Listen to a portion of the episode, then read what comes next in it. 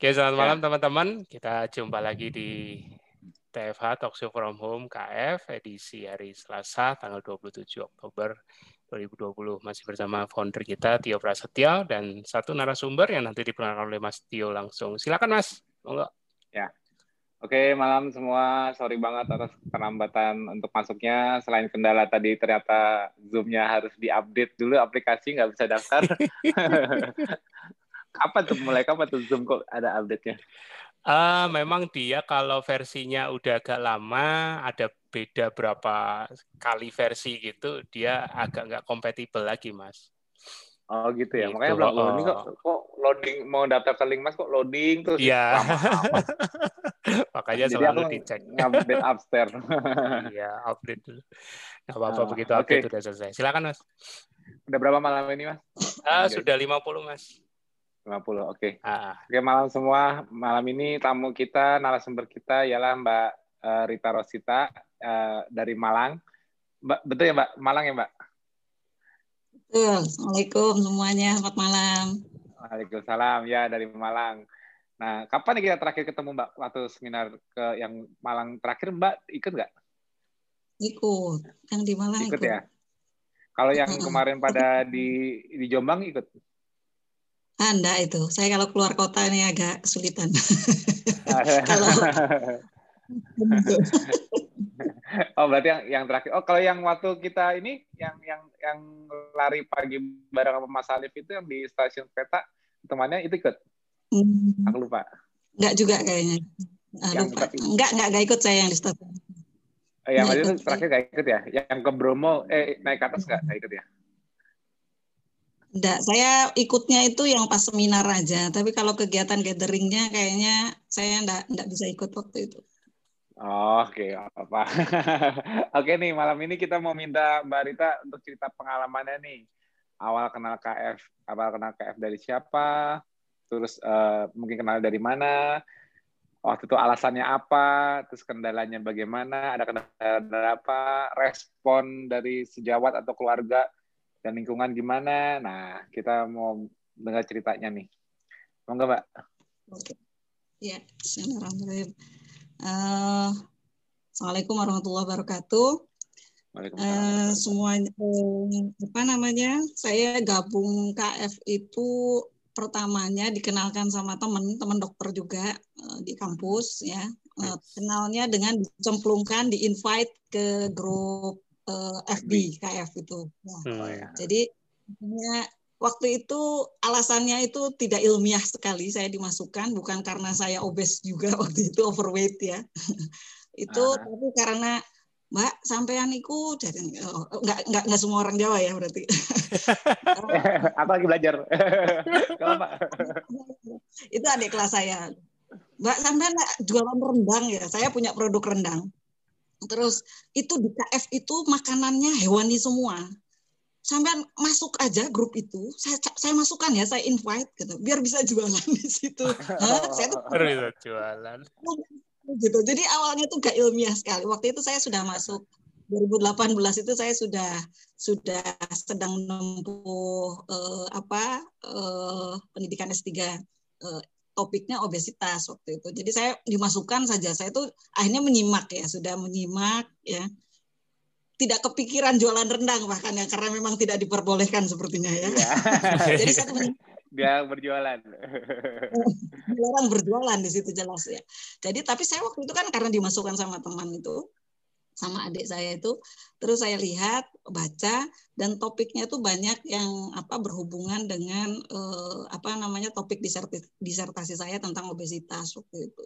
Oh. terus kemudian eh, jadi saya itu waktu itu eh, tentang adiposit sel lemak ya saya ini penelitiannya Kemudian saya presentasi kalau kalau ini sedang menumpuh kan ada presentasi-presentasi gitu tentang obesitas, tapi saya tampil di depan di depan prof-prof di depan audiens itu untuk apa namanya kita sebutnya SKI seminar karya ilmiah gitu kan ya ada berapa tahapan.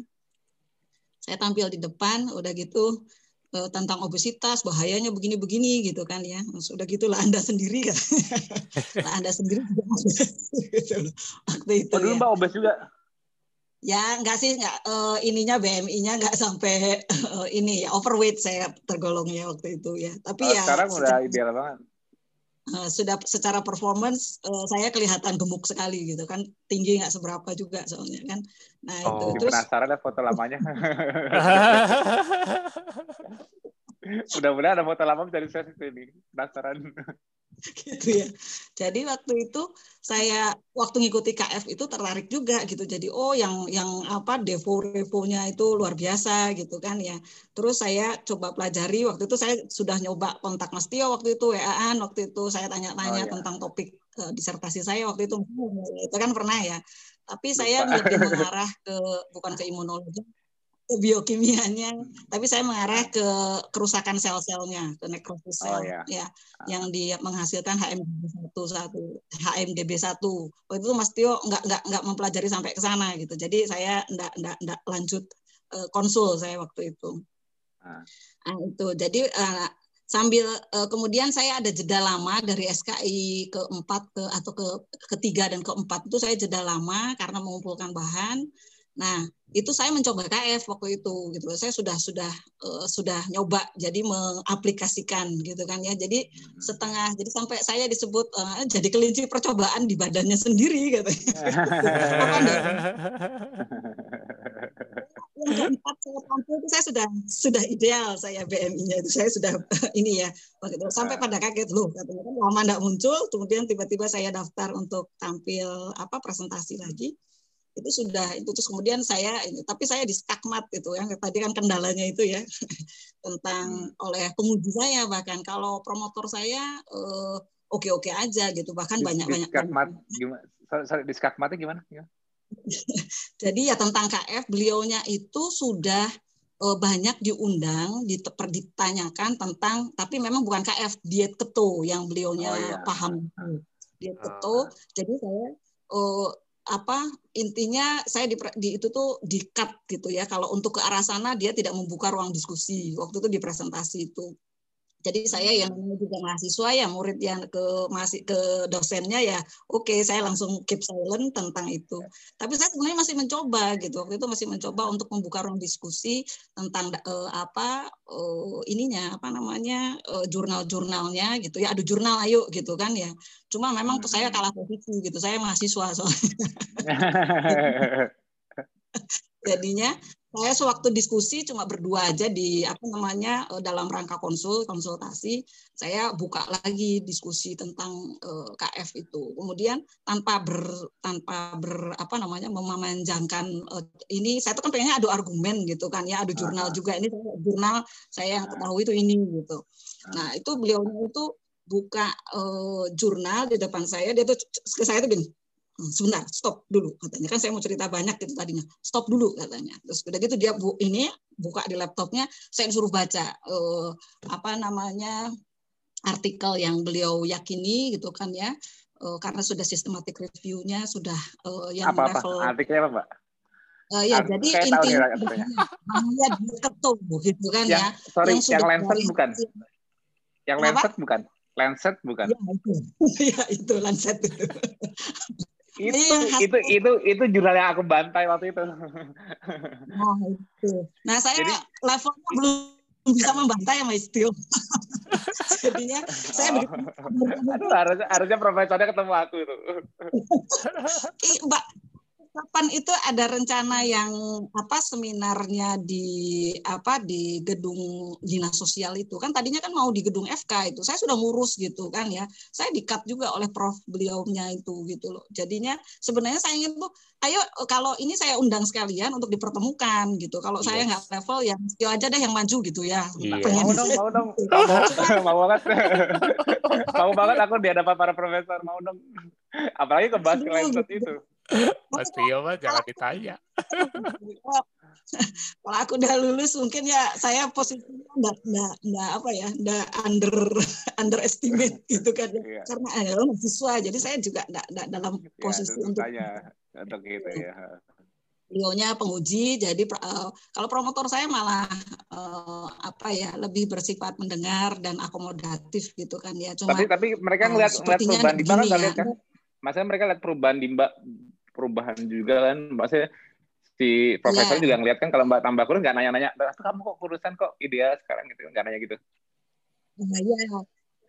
Saya cerita gitu kan saya cerita gitu. Saya juga menginginkan gitu. Jangan ah ya malah beliaunya tuh tambah uh, jangan itu intinya bahaya gitu loh intinya. Terus uh, ditunjukkan dengan ya sebagaimana yang banyak di apa namanya uh, dipertanyakan tentang bahaya keto jarak jangka panjang ini itu gitu ya. Jadi saya tidak dalam uh, apa uh, membuka ruang diskusi dengan beliaunya itu agak sulit gitu ya. Jadi sampai sekarang hmm. seperti itu. Jadi waktu kapan itu di di F, apa di UB itu mau mau saya kan sudah diskusi sama Mbak Tri ya. Ayo Mbak Rita kalau mau di ini kalau mau di bisa di UB itu bagus gitu loh. Tapi ya ya intinya tapi kalau sekarang ini kalau ke teman-teman ya itu khusus prof beliaunya itu yang agak atau sekali gitu. Tapi kalau kalau ke yang lainnya, promotor saya, pembimbing yang lain gitu kan, atau teman sejawat yang di ini itu sebenarnya uh, keponya yang tinggi gitu kan. Ya, lihat saya gitu, loh sampai uh, ya inilah apa namanya apresiasi gitu bisa. Terus udah gitu saya kan prinsipnya saya pengen sehat gitu. Karena saya uh, apa ada uh, osteoartritis, ada uh, apa namanya keluhan yang lain lah selain uh, apa secara performance performance-nya gemuk gitu ya. Nah, terus itu apa namanya kalau teman-teman tuh ya banyak saya share juga itu apa namanya protokol gitu. Terus ngajak cuma memang beratnya itu sepertinya kalau di yang apa itu bukan dari segi bahaya atau apa, tapi katanya berat gitu beratnya ya mungkin kenapa disebut warrior ya gitu. Karena memang untuk bisa menjalani Godaan. godaannya begitu berat katanya ya. Nggak bisa ninggalin nasi nggak bisa ninggalin mie gitu kan ya. Hmm. atau ya karbo atau buah atau ya yang terutama tanya buah yang nggak bisa ninggal. Oh, ya seperti itulah. Jadi kalau tapi eh, kalau saya merasa dari dari apa namanya eh, perkembangannya dari yang saya rasakan penerimaan oh, kalau keluarga ada masalah malah kakak saya yang oh, keluarga saya juga sudah berapa yang ikut ya sudah tiga orang yang juga ikut join dari segi proporsionalnya terus dia punya sakit diabetes jantung itu sudah ininya membaik dan tanpa obat sekarang wow. apa uh, ya memang harus apa jadi living proof itu penting gitu kan ya karena hmm. kalau kita hanya menjelaskan gitu oh, apa namanya nah. enggak responnya itu malah enggak enggak enggak, enggak ini gitu tapi kalau dengan living proof kita buktikan sendiri gitu itu Betul. apa responnya mereka apresiasinya lebih bagus hmm. Ya kalau ini saya pengen share hasil penelitian saya aja ya. Saya eh, apa namanya yang saya uji itu uh, sel lemak yang diambil dari tikus hmm. ya. Sel lemak diambil dari tikus kemudian saya kultur dikultur di medium yang uh, bisa apa dia berdiferensiasi dia bisa berkembang sel lemaknya. Hmm. kemudian saya uji dengan low glucose ya. Low glucose kemudian uh, high fat uh, plus high glucose dan high glucose saja gitu. Jadi ada empat ada empat medium apa ada ada empat kultur yang saya uji. Itu ternyata yang paling buruk itu adalah yang high glucose high high glucose saja gitu. Yang paling buruk hasilnya. Jadi indikator perburukannya itu adalah dari morfologi atau bentuk selnya. Dia hmm. seperti apa hmm. bentuknya. Hipertrofi ya? Eh, biasanya ya, hipertrofi jadi harapannya waktu itu saya hiper high fat, high glucose itu hipertrofi. Tapi kalau high hmm. glucose, low fat itu jadinya selnya mengalami kerusakan. Jadi selnya itu pecah-pecah. Oh, malah rusak. Ya, rusak. Jadi selnya mengalami nekrosis. Kemudian saya dari morfologi itu saya lihat supernatannya kalau dia sel rusak dia tuh pecah ya, selnya tuh pecah itu dia hmm. mengeluarkan uh, material yang uh, saya inginkan itu adalah HMGB1 high apa high mobility box one itu uh, grup box one. Nah, itu uh, sebagai nekrosis atau tanda kerusakan sel marker kerusakan sel akibat nekrosis, bukan apoptosis. Jadi kematian sel kan ada dua. Ya. Apoptosis sama nekrosis. Itu nekrosis ya. malah. Nah, Soalnya inflamasinya tinggi nah, itu berarti. Ya.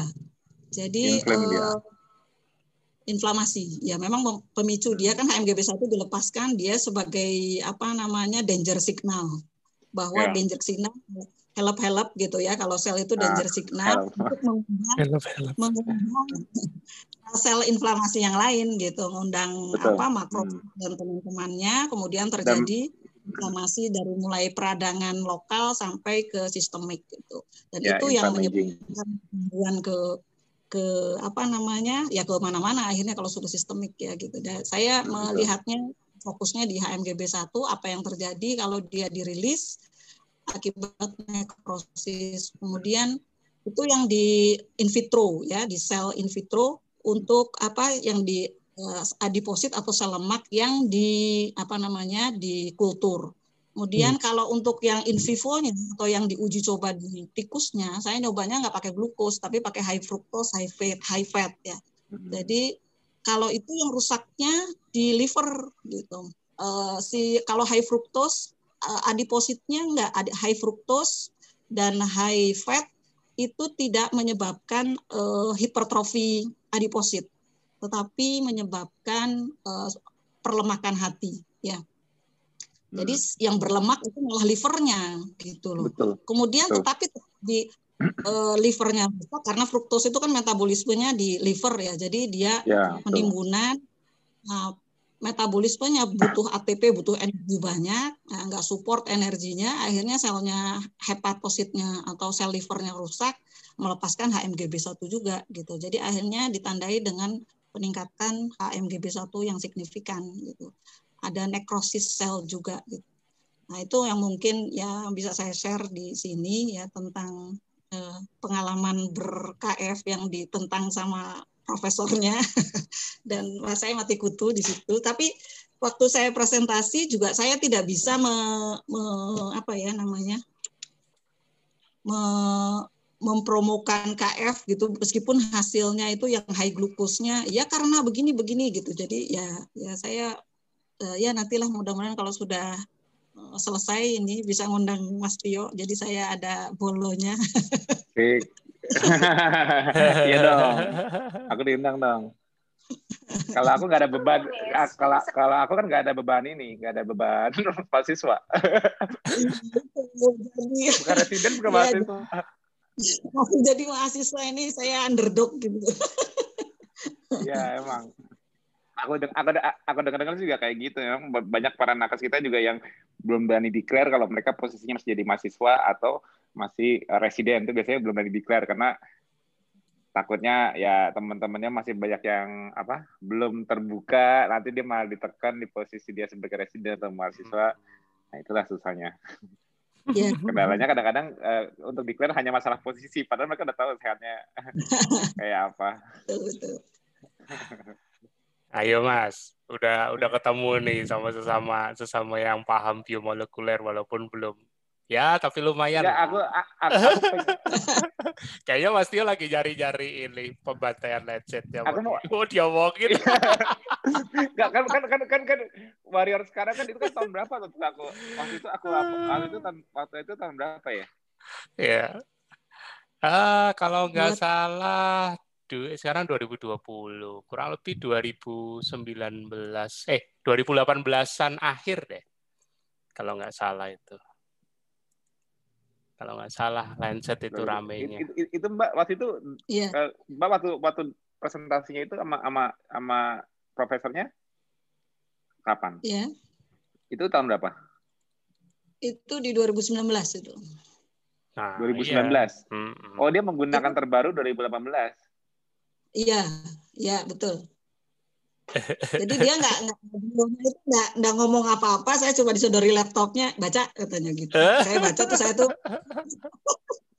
Padahal saya tahu sebenarnya penjelasannya waktu itu, saya tuh kan sudah baca juga jurnal yang sering Mas Tio share itu bahwa perbedaan penelitiannya itu bahwa yang digunakan pembandingnya itu tidak low glucose gitu loh. Jadi tetap tidak, dengan glucose yang uh, yang disebut Ya, jadi eh, perbedaan hasilnya itu kalau yang eksperimental nah, ya, yang di in vivo sempat, itu sempat, sempat dikasih tahu ke dia 5 milimol gitu.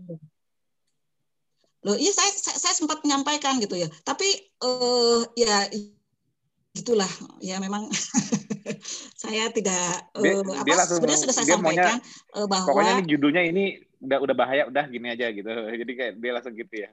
Lihat baca judulnya nih lihat nih gitu oh saat hmm, betul begitu. Jadi saya cuma dilihatkan ini sudah. Jadi saya uh, ditutup udah meta, diskusinya udah dengan meta analisis soalnya ya? Lancet itu. Karena meta analisis ya, kekuatannya kayaknya sudah uh, jadi kalau kalau kalau kalau meta analisis dianggap paling paling paling akurat. Memang betul. Aku nggak bohong loh meta analisis itu memang paling akurat. Karena kan paling tinggi. Tapi tap, tapi flow-nya dia nggak mau lihat flow. Dia cuma mau tahu kata ah. pusat meta analisisnya flow flow hipotesanya flow dari flow dari prosedurnya di mana dia nggak mau lihat. Yang penting meta analisis terhadap lockup kan yang judulnya yang penting gitu kan. Jadi lockup sudah di meta analisiskan hasilnya seperti ini, mortalitasnya meningkat. Dah, jelek, dah. Tapi dia nggak mau baca ininya, nggak mau baca jurnalnya. Wah, itu kerjaan aku. itu kerjaan aku banget.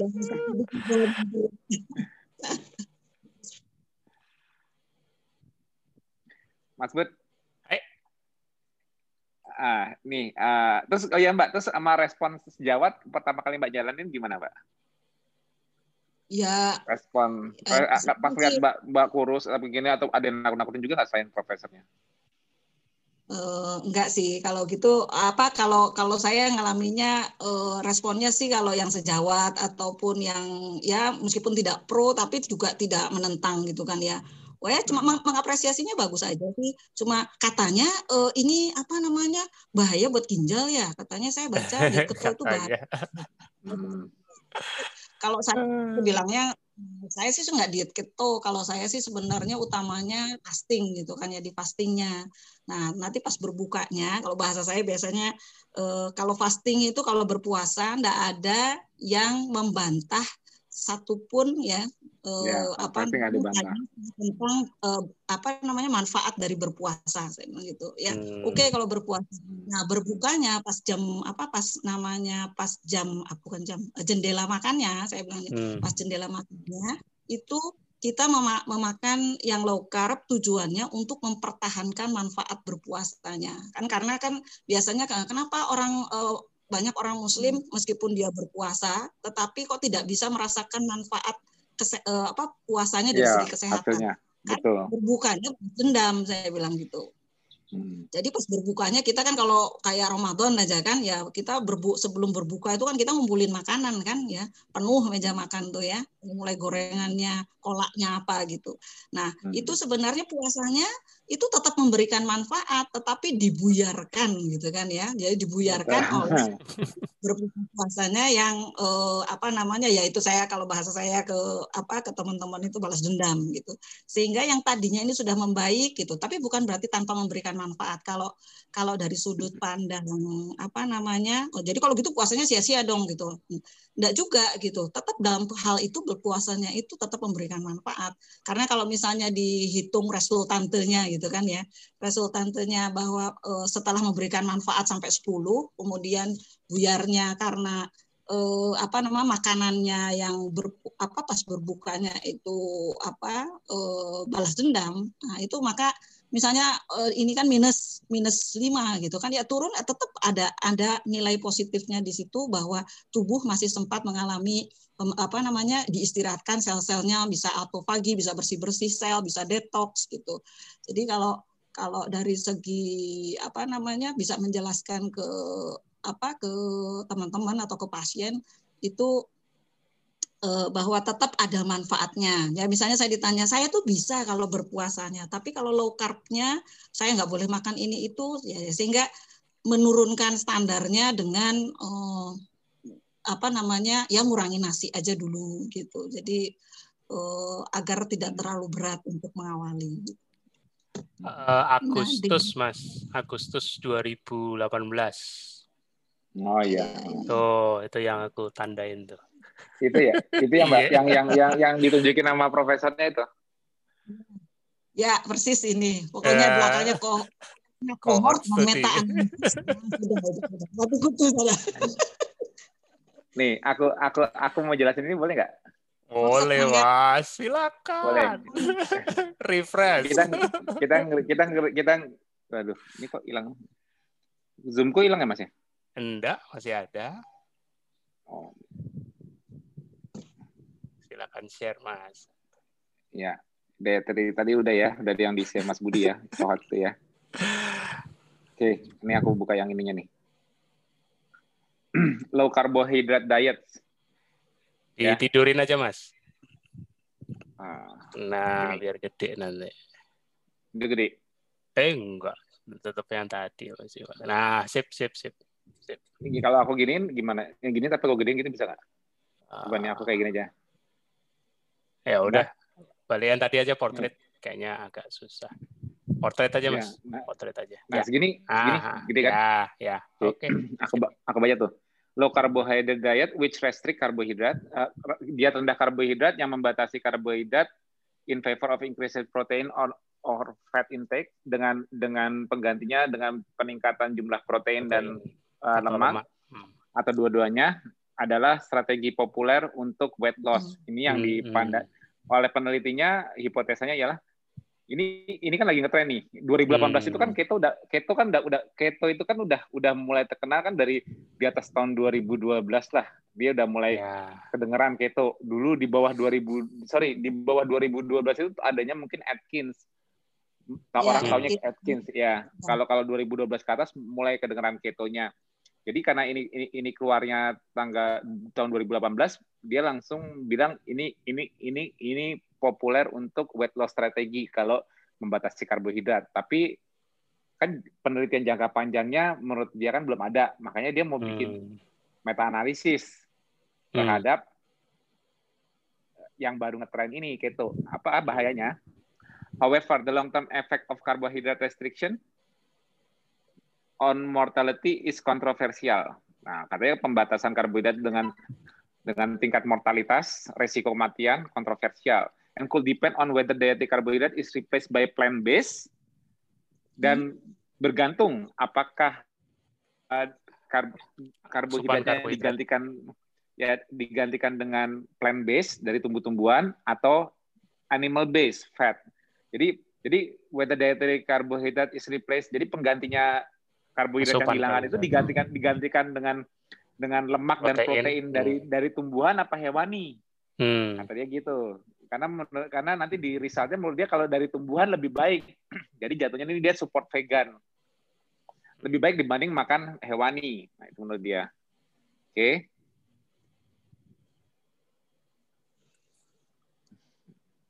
Mohon maklum karena dari galeri jadi harus satu-satu. Ya, lagi. Nah, ini gede nggak mas? Kelihatan nggak? Nih ya, Oke ya, Kelihatan, kelihatan. kelihatan ya. Oke. kelihatan. Met- metodenya, metodenya. Dia kan tadi ngomongnya tahun 2018 kan? Oke. Hmm. Karena 2018 udah ngetren orang pada weight loss dengan cara menurunkan karbohidrat supaya supaya supaya bisa weight loss. Ngetrennya gitu katanya.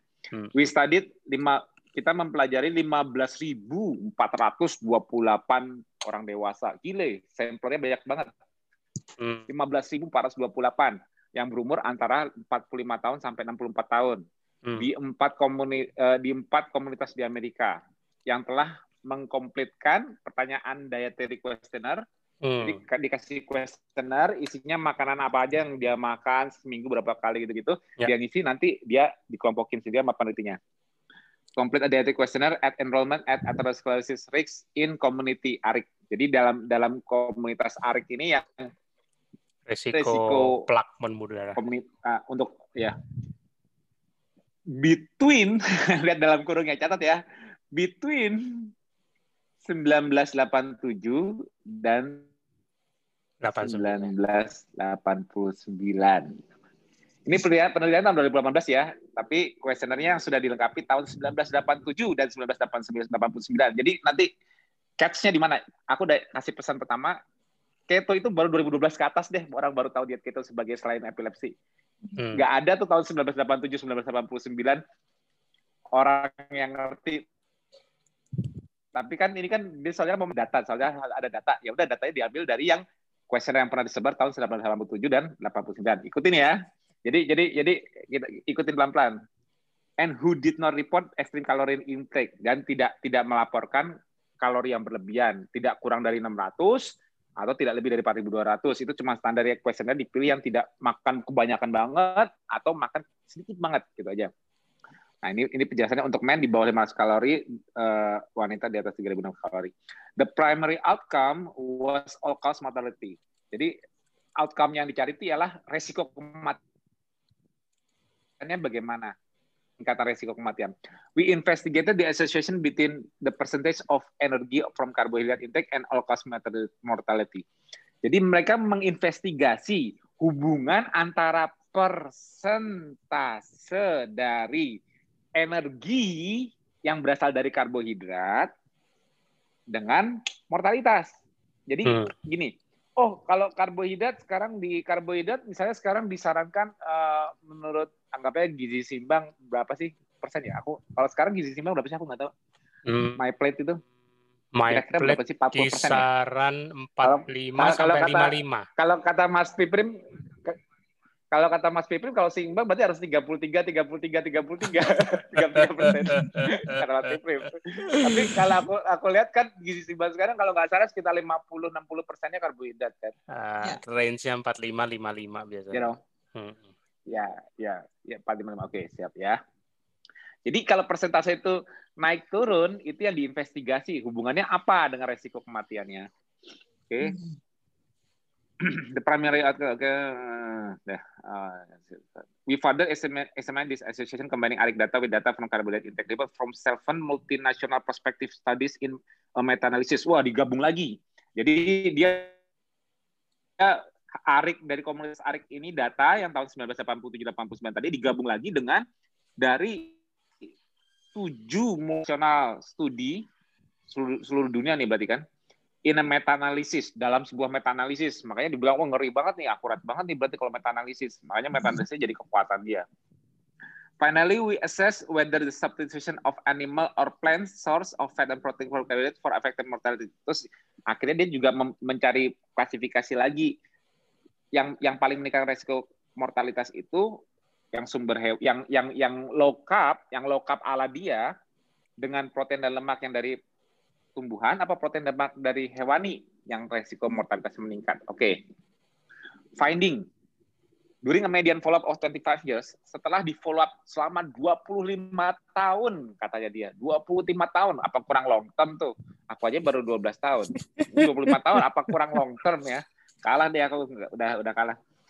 There were 6, 6 ribu, ada ada 6.283 kematian dari Arik cohort dari kohortnya Arik yang hmm. tadi 9887 89 tadi itu udah ada 6283 kematian. Dan ada 40.181 kematian dari seluruh kohort studi, studi kohort. analisnya. Ya, studi kohortnya. In the ARIC cohort, uh, after multivariable adjustment, we the U-shaped association. Oke, okay, oke. Okay. Oke. Okay. Ini aku baca aja langsung aku terjemahin. Nah, jadi jadi yang uh, yang meta analisis dari kohort yang meninggal 400 totalnya dari jumlah itu tadi 432 dari 432.179 partisipan yang low karbohidrat dalam tanda kurungnya lihat ya. Ini aku gedein aja deh. Kelihatan nggak? Yang low karbohidrat ya, yang low carbohydrate consumption dalam kurung kurang dari 40% dan high karbohidrat yang lebih dari 70% itu yang resiko kematiannya paling tinggi. Hmm. Jadi yang ditemukan dari U-shape pattern itu yang yang makan karbonya kurang dari 40% atau makan karbonya lebih dari 70% resikonya tinggi. Jadi kebanyakan karbo mati, kekurangan karbo mati. Hasil dari penelitian 25 tahun loh Ngeri gak? Ngeri. Siapa yang nggak langsung bilang loka berbahaya begitu tahu? Wih, ini mata analisis. Wih, 25 tahun. Gila. Serem. Ya. Nah, share lagi. ini ini mungkin yang awam masih agak bingung-bingung. Tapi hmm. nanti nanti nanti oh, jangan diri dulu. sorry, sorry. Aku tadi yang bermuarin. Kata.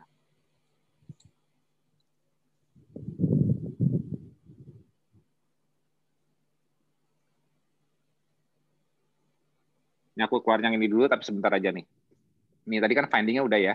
Hmm. Uh, tadi U-shape-nya kan 78 Nah, yang interpretation-nya nih. Both high and low carbohydrate percentage of carbohydrate was associated with Nah, jadi inter, interpretasinya, penerjemahannya, yang aku bilang tadi berarti benar. Yang high terlalu tinggi dan terlalu rendah karbohidratnya teras, berasosiasi dengan meningkatnya mortalitas, resiko hmm. kematian. Dengan dengan resiko paling terendah diamati kalau kita makan karbonnya 50 sampai 55 persen ya seperti sekarang orang normal anjuran pemerintah sekarang makan 50-55 persen itu kalau ditemukan selama 25 tahun itu resikonya katanya paling paling rendah dibanding yang karbonnya di bawah 40 persen atau di atas 70 persen. Hmm. Low carbohydrate, carbohydrate diet patterns favoring karbo diet rendah karbohidrat rendah karbohidrat yang memilih animal derived protein and fat yang memilih protein sumber. dan fat sumber dari dari contohnya lamb, Hewan. kambing, hmm. beef, pork, chicken, pokoknya hewan hewani lah. Itu diasosiasikan dengan mortalitas yang paling ngeri, paling paling paling paling tinggi.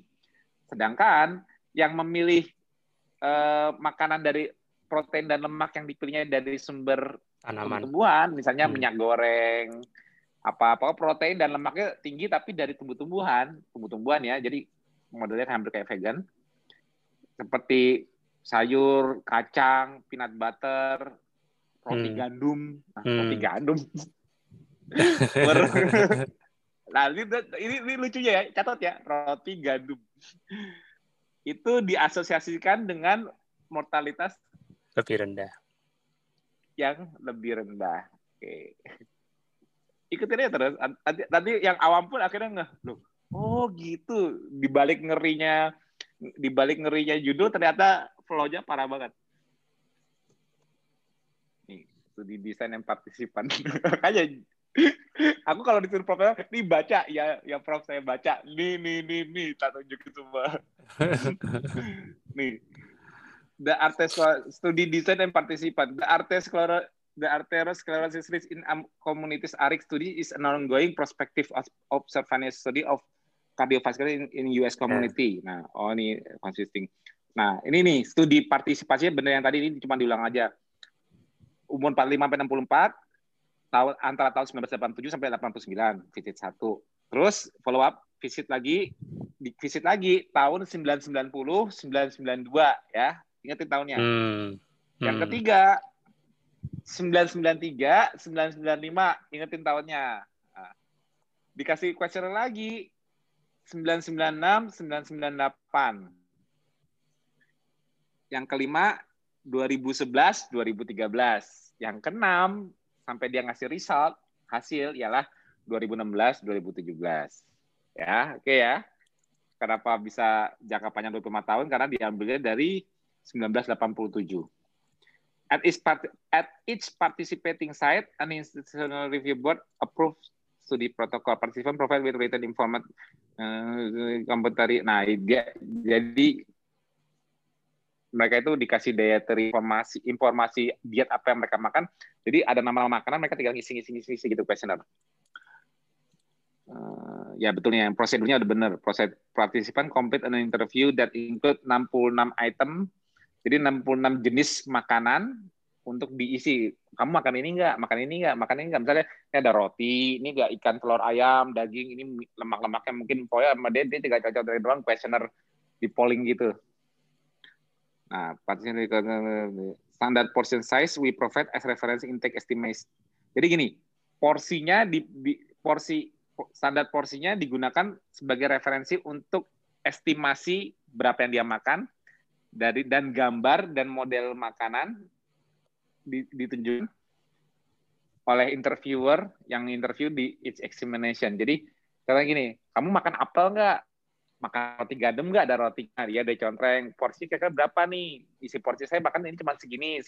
Dalam sehari saya makan ini cuma segini ini yang ini ini. Jadi lihat mana dari gambar-gambar makanan itu mana yang dia contreng porsinya semana dan totalnya semana. Jadi interviewernya itu kalau nyontek misalnya gini oh nasi oh saya makan nasi cuma sepiring terus sebelahnya dicontreng oh rendang oh rendangnya saya makan ini mah banyak saya bisa dua mangkok misalnya nasi kelas piring dua mangkok sayurnya ah, saya makan di sayur dikit gak suka sayur misalnya Tinggal ngisi doang kan, Hmm. gampang.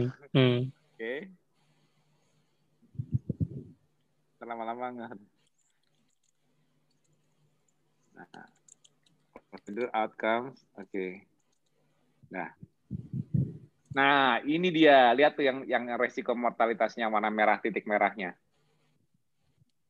Nah, lihat ya.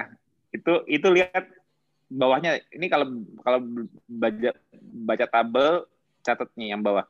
Energi from karbohidrat dalam persen. Jadi lihat tuh. Paling rendah 20% ya karbohidratnya ya, tapi nggak ada yang sampai segitu ya. Sampai 40% batas linearnya ya. Jadi titik-titik hasil dari hasil dari kuesioner itu ini kan ini kan ini kan tarik studi ini kan macam dibandingin. Jadi rata-rata tanda merah ini, tanda merah titik merah ini ialah posisi persentase karbohidrat yang yang dimakan dengan resiko mortalitas tertinggi. Jadi yang makannya ini aku ambil garis kira-kira nih ya, mulai dari 25 persen, yang makannya karbohidrat cuma 25 persen, cuma 30 persen, dan nggak nyampe 40 persen, ini yang resikonya mati. Kalau kelihatan dari ini, iya ya, karbohidrat berkurang dari 40 persen aja, resiko kematiannya meningkat ya. Berarti kan yang di atas di atas 40 persen ke sana isinya apa? Protein dan lemak. Kan kan makaron di sini tiga, karbohidrat, protein dan lemak. Persentase karbohidrat di bawah 40 persen, resiko yang 40 ke sini kalau kalau kalau yang titik-titik sebelah sini kalau kalau yang ini merahnya makin ke sana otomatis kan protein dari 100% kan yang mengisi kan protein dan lemak dong. Berarti nggak maksudnya? Hmm. Ya, oke. Okay. Nah, sekarang subscale.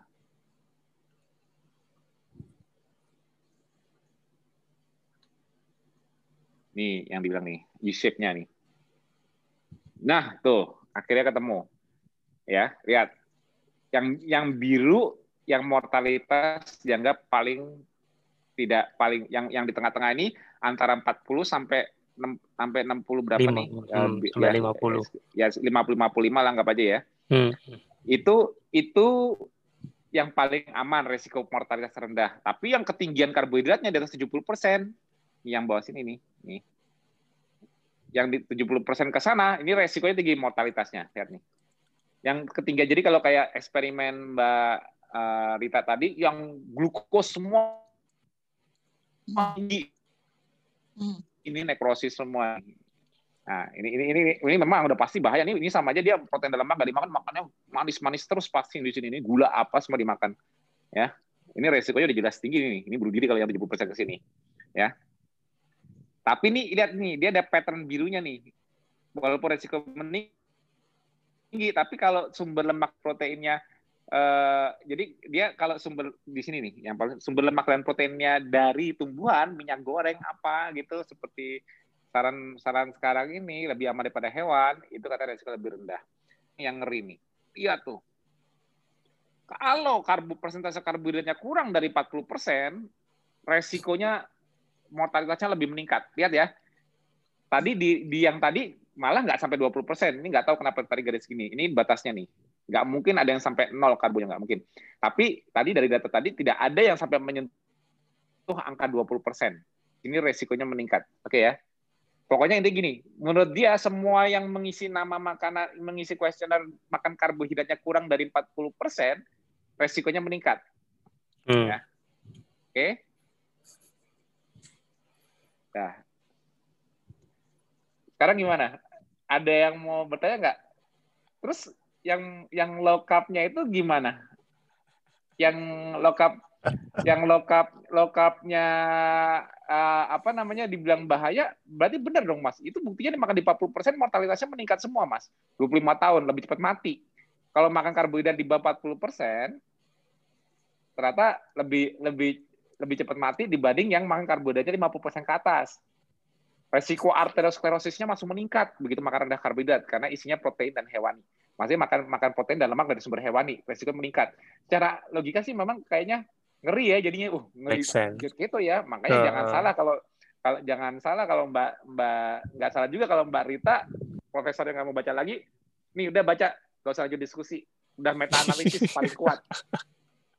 Kamu ngurangin karbo di bawah 40% aja resikonya udah gede, gak usah dibahas lagi. Nah, tuh lihat kan? Mau tahu nggak orang-orang yang dikasih kuesioner itu orang-orangnya makan apa? Mau tahu nggak antara 1987 sampai 89 tadi sampai Hmm. follow up follow up itu? Di masa di mana keto belum ada ya. Dan Ya. itu bukan dan itu komunitas bukan bukan komunitas keto ya yang baca yang yang ingat dengan catatan. Yang yang isi kuesioner itu bukan komunitas keto, bukan yang menghindari karbohidrat. Tapi di seluruh dunia di seluruh dunia anggapnya gini, kayak ah aku mau ke Jakarta ah di Jakarta aku bagiin. Di Jakarta aku bagiin kuesioner. Nah, yang resikonya tinggi kalau yang makannya seperti ini dari kuesionerku di Jakarta.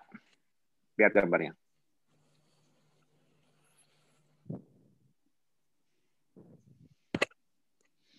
Contoh, wah pagi aku senangnya makan makan steak bacon. Breakfastnya berlemak nggak tuh? Iya. Ya, lihat kan hampir karbohidratnya cuma tomat doang. Ya, tomat bukan karbohidrat mah. Lihat, makan paginya makan bacon, makan telur ala orang Amerika. Ini kan studi di Amerika kalau pagi kan sarapannya kayak gini, bener nggak? Hmm. Kalau sering nonton film-film bule, sarapan mereka telur dan bacon. Oke. Terus lunch-nya, lunch-nya makannya pakai burger atau be- burger orang Amerika makan burger atau pakai bagel, roti bagel Hmm. tapi dibanyakin dagingnya tuh makan kayak gini. Makan malam, makan steak udang dinner. Ya, dari tiga kali makan ini ada yang tahu nggak kira-kira karbohidratnya berapa persen? Dari anggap ini total ini 100 persen makanan. Dari satu hari dia makan karbohidratnya berapa persen? Ada yang bisa jawab nggak? Jawab di chat. Kira-kira. Tuh, Mbak Irma. Yang mengandung karbohidrat dari tiga makanan ini cuma makan siang doang Iya. cuma 30 persen. Bahaya nggak? Mortalitas meningkat nggak? Meningkat. Bahaya. Jelas bahaya. Jelas bahaya. Jadi jangan jangan pernah coba-coba menurunkan karbohidrat dan makan lemak dan protein Tinggi tinggi. banyak ya. Nasehati nasehati teman-temannya, nasehati orang tua, nasehati teman-teman kantor, nasehati teman-teman sejawat. Kalau mereka lagi makan nasi padang, eh lu kok makan cincang? Lu kan enak. Tapi kan lu masih pakai nasi. Tunjukin Kita bisa ngomong gitu. mereka. Jadi ja- ja- jadi mau tahu nggak jurnal Lancet ini harusnya ditunjukin ke siapa? Apakah ke Itu kita yang carb? Apakah nah ini ya, ini perhatikan ya. Jadi kalau ada orang orang sampai ngasih Lancet ke kita, kita kasih balik ke dia. Kita kasihnya sambil di warung Padang. Lihat nih ya. Ini Lancet ya, lihat dengan adanya roti, dengan adanya roti burger itu dia 30% anggap aja tadi Hmm. Mbak Irma. Hmm. Sekarang kita lihat lagi.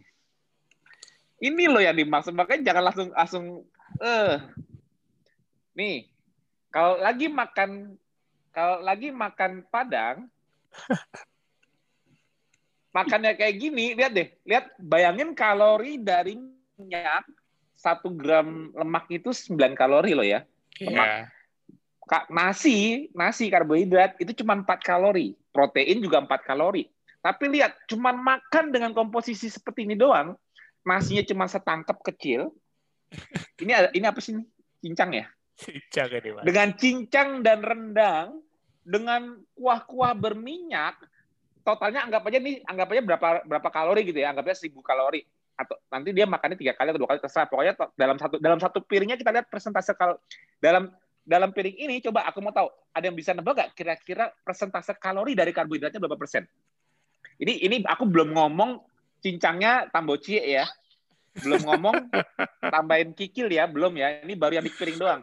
Ini kira-kira kalau nasinya cuma segini, dia nambahin lemak dan protein lagi dari tambah cincang gulai, kira-kira ya yang yang nasinya nilai kalori di nasinya cuma berapa persen dari total di piring coba ada yang tahu nggak? Ya 30 sampai 30 Tiga puluh empat puluh persen. Hmm, Jatuhnya jatuhnya rendah karbohidrat nggak? Rendah. Tambahin gulai otak, tambahin gulai otak dari totalnya Mbak Mbak Ajela bilang tambahin gulai otak nih sebanyak ada gulai otak ternyata. Ini jadi makin kecil lagi dong, nggak 30 makin 25 sampai 30 persen. ya kan? Hmm, hmm, Benar nggak? hmm. Nah, nah ya. Makan makan protein dan lemak banyak emang enak, tapi Lancet menunjukkan Lancet Bahaya menunjukkan. Lancet menunjukkan kalau yang makannya di bawah 40% dan sisanya diganti protein dan lemak, lihat titik merahnya, meta analisis pula mortalitasnya meningkat, risiko matinya tinggi. Oh, muncul jantung dan sebagainya. Karena apa? Karena makan nasinya cuma setangkep, banyakin lemak itu. Kalau mau makan lemak dan protein seperti itu, pastikan makannya itu seperti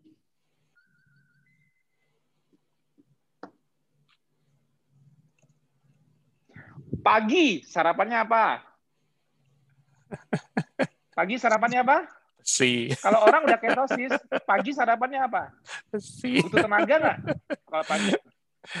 Kalau, kalau orang udah ketosis artinya artinya otak kena lemak di badan, sarapannya apa? Sarapan besi, ada sarapan. PCO yang masih masih adaptasi kurang lemak, ada yang gigitin barbel kayak Mbak Jela. Kalau aku sih ngangkat barbel, kalau Mbak Jela doyannya gigitin barbel, nggak tahu tuh rasanya kayak apa. Tapi intinya kita fat burning mode dari pagi. Kita Hmm. kebutuhan kalori kita kebutuhan kalori kita di pagi sampai siang hari yang menuhin lemak di badan. Nggak ada yang ngomong lemak dari makanan.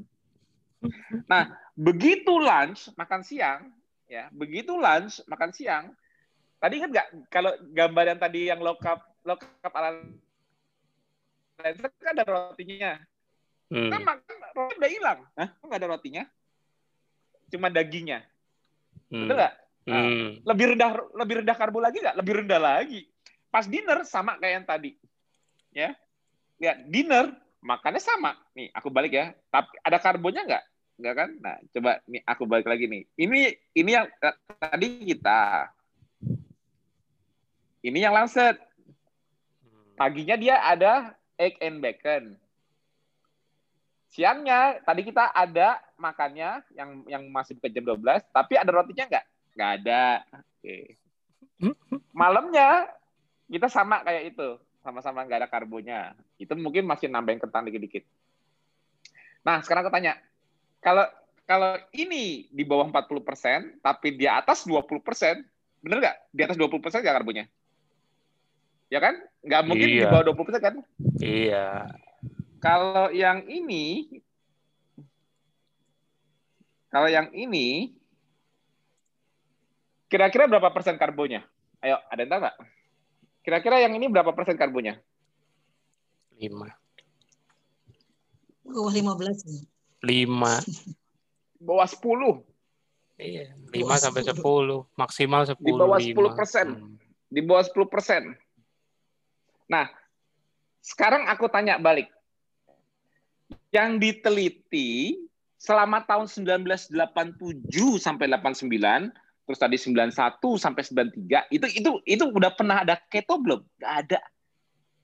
Jadi orang-orang yang Hmm. makan seperti apa yang dikategorikan low carb dari tahun 1987 sampai 2017 itu yang di follow up orang ini yang sama di follow up orang yang cara makan dia dari 987 sampai ini di follow up begitu yang makannya yang makannya yang makannya seperti ini yang makannya seperti ini di follow up 25 tahun ya 25 tahun di follow up yang makannya seperti ini ternyata resikonya tinggi. Sumber hewani semua ini salah nggak itu? Bener nggak?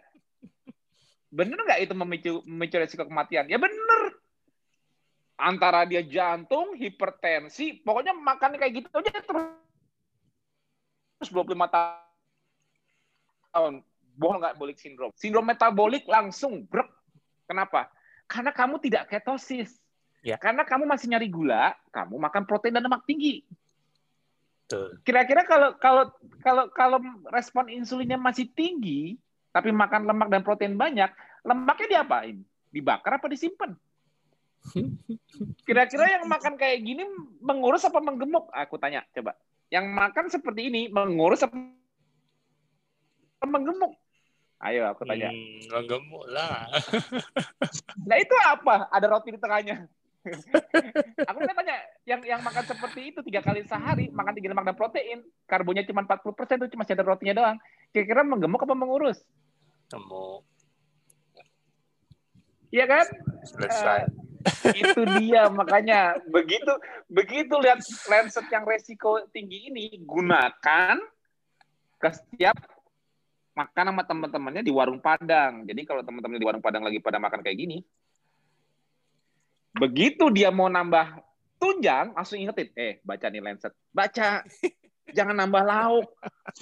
Jadi di bawah 40 persen. Kalau lu nambah lauk, kalau lu nambah rendang, kan makan karbo dengan lauk tinggi lemak dan protein memang enak, bener nggak? Makan nasi, banyakin ayam, ikan, telur, daging berlemak-lemak, enak nggak?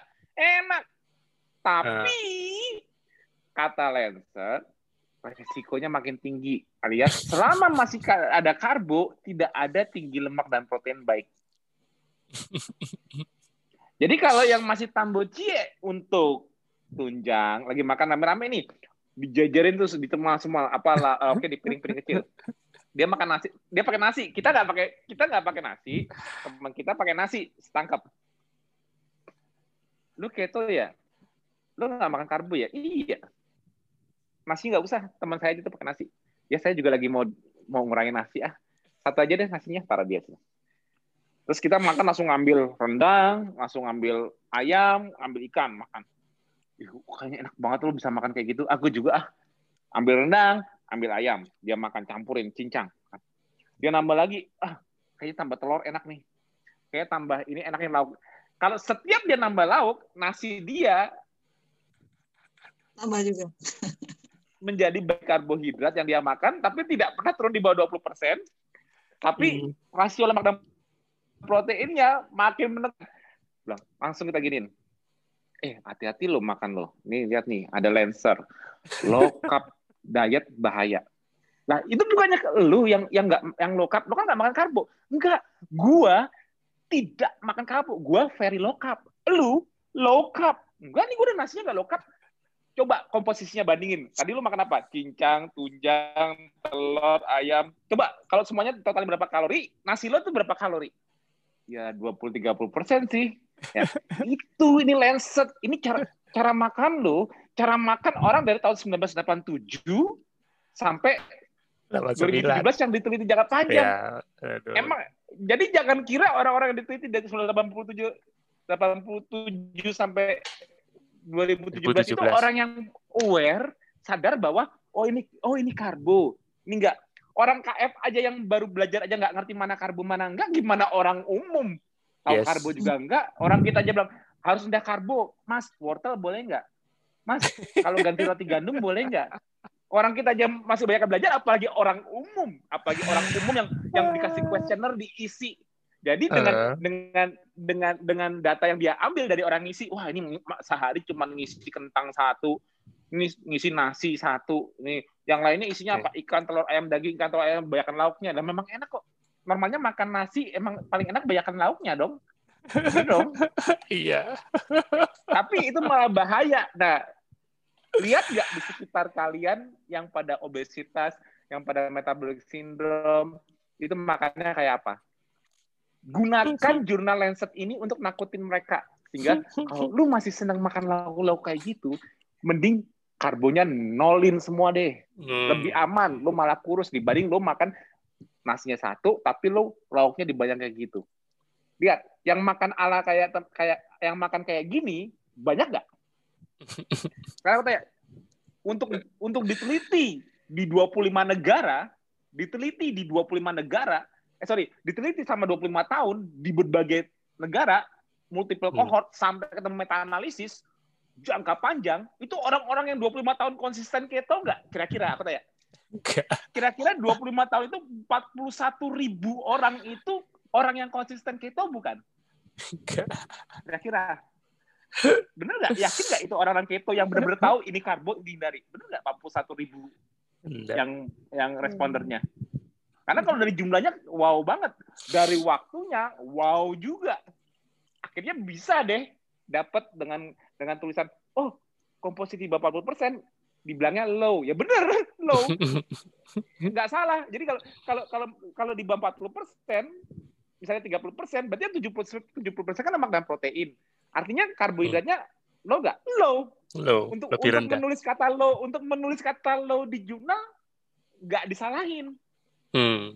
Untuk jadi judul low carb itu nggak bakal salah. Kenapa? Ya ini cara ngitungnya, matematikanya. Hmm. Kurang dari 40 persen, berarti protein dan lemak mengisi sisanya. Makan ala low karbohidrat. Untuk jadi judul jurnal nggak salah. Untuk jadi judul jurnal. Untuk menjus, menjustifikasi bahwa orang-orang yang ketosis, bakar lemak dari dalam tubuh dan dari makanan, itu sama seperti itu, itu ya nggak mungkin. Kalau dia bisa membuktikan jangka panjang orang-orang menghindari karbo kayak kita itu bahaya, dia harus punya satu parameter. Hmm. Setiap orang yang dia sampel dicek darahnya. Ada Hmm. ketonnya nggak? Kalau nggak ada keton, Hmm. dikeluarin dari dikeluarin dari penelitian. Kalau nggak nggak nggak fix. Karena kalau nggak ada ketonnya, berarti dia nggak benar-benar low carb ala kita. Itu cuma low carb. Ya, betul. Jadi, jadi, jadi kalau nggak ada parameter keton di suatu jurnal, jangan mau telan jurnalnya bilang low carb-nya itu ala kita. Kenapa? Carb kita menghasilkan fisiologi ketosis di mana gulanya jadi di sparing karena yang produksi gula kan liver. Yes. Kalau kita nggak ada karbo sama sekali, kan gulanya kan yang produksi kan liver karena saking rendahnya karbo itu nggak bisa mencukupi kebutuhan gula, liver yang membuat gula, makanya kebutuhan gula harus turun. Makanya yang dominan kita bakal lemak, liver di maintain gulanya agar tidak berlebihan. Tidak harus menyuplai lagi ke otak secara fisiologi. Untuk bisa menyuplai ke otak, supaya otak nggak teriak nyari gula lagi saat kita nggak makan karbo, otak harus bisa kena lemak. Caranya otak kena lemak gimana? Lemak nggak bisa nyebrang ke otak, tapi lemaknya dirubah dulu di liver keton, baru ketonnya bisa dikenali di otak sebagai bahan bakar. Jadi begitu kita ada begitu ada keton di darah, artinya otak, kenal, pipi, perut, paha, lengan. Semua lemaknya jadi kenal karena bentuknya keton bisa nyebrang. Sama pula dengan lemak dari makanan, udah kenal. Nah kalau otaknya masih pakai gula dan di darah nggak ada keton, Hmm. makannya tinggi lemak, bayangin. Lemaknya otak aja nggak make. Otaknya aja masih nyari gula, dia makannya tinggi lemak. Kenapa? Kalau kalau nggak ada keton, berarti dia low carb-nya ialah yang seperti ini. Nasinya setangkap. Tek. Makan nasi setangkap gitu, walaupun cuma sekali sehari, dijamin nggak bakal pernah punya keton di darah, taruhan. Tuh. Makan lemak sebanyak-banyaknya deh. Orang di KM makan lemak pada bisa kurus. Gue makan lemak banyak-banyak kok nggak kurus-kurus. Ya lu masih ada nasinya. Kapan lu pernah bisa munculin keton di darah? Lu ketosnya juga enggak. Otak lu juga pakai cari gula. Gitu loh, ngerti gak? Jadi guna, jadi manfaatkan jurnal terbaru tahun 2018 masih fresh untuk membuat orang sekitar sekitarnya melek. Begitu suaminya makan nasi di padang sama kita, dia pakai lemak-lemak karena pengen enak. Emang enak kan rasanya pakai ini. Mah, Lancer. Oh, itu bukan mama ya? Mama kan nggak ada karbonnya. Mama kan nggak termasuk di jurnal. Mama kan ketosis. Papa tuh yang Lancet. Hah? Papa lokap, nasinya setangkep. Itu tunjangnya berapa? Ikannya berapa? Ayamnya berapa? Abisin tuh sekitarnya dengan Lancet. Itu rahasianya. Nasinya masih Jadi- dua sendok, Mas. Pokoknya terserah, terserah mau bilang karbonnya berapa terserah. Buktiin kamu ketosis, buktiin di dalamnya ada keton. Iya. Baru. Nah, kalau enggak kalau enggak ada ketonnya berarti low carb ala kamu bukan low carb ala kita. Low carb ala Hmm. kita secara fisiologi jadi nggak lapar. Kenapa? Otak kena lemak. Aku udah low carb tapi kok masih kelaparan terus ya? Nah, Masih betul. tenaga. Ya berarti berarti low carbmu nggak nggak menghasilkan otakmu kenal dengan lemak di badan dong. Hmm. Ayo, ayo. Ya aku masih sih makan gula, makanya masih ada cravingnya nggak hilang-hilang. Iya. Ya makanya mau masuk low carb kategori Lancet apa mau low carb kategori ini? Mau low carb seperti ini atau mau low carb seperti ini? Pilih aja sendiri. Aku pengen tahu yang makan kayak gini 25 tahun coba siapa yang tahu? Pengen tahu dari tahun 1987 sampai 2017 yang makan seperti ini. Berapa orang kira-kira dalam dalam dari 41 ribu responder itu? Hmm. Gak ada kalau aku bilang, gak ada. Iya. Gak ada orang ngisi questionnya benar-benar makan kayak gini terus mortalitas meningkat. Gak ada. Yang kayak tadi. Nah ini makanya makanya kalau makanya profesornya pun nggak bisa ngebayangin apa yang terjadi dengan carb. Karena dia dia dia dia, dia dengarnya cuma mau taunya rendah karbo, tapi dia nggak mau tahu fisiologi yang terjadi. Hmm. Pokoknya mengurangi karbo udah bahaya aja. Hmm. Makanya tetap makan karbo ya supaya nggak supaya supaya nggak cepat mati. Makanya tetap makan karbo ya. Jadi konyolnya dibikin seakan-akan dia nganjurin seperti itu kan konyol kan? Konyol nggak? Konyol. Nah, Udah nggak tahu mas. Nggak tahu. Bener nggak pak? Bener nggak mbak Rita? Kata profesornya, profesornya tanya judul lokap di bawah 40 persen, diteliti 25 tahun, gila respon, udah responder puluhan ribu, diteliti 25 tahun, siapa yang bisa ngalahin? Makanya dia langsung percaya tuh kan banyak aja nggak di ini metodenya aja nggak ditunjukkan maksudnya nggak dibacakan gitu. Langsung langsung findingsnya gitu yang ditunjukkan ke saya itu.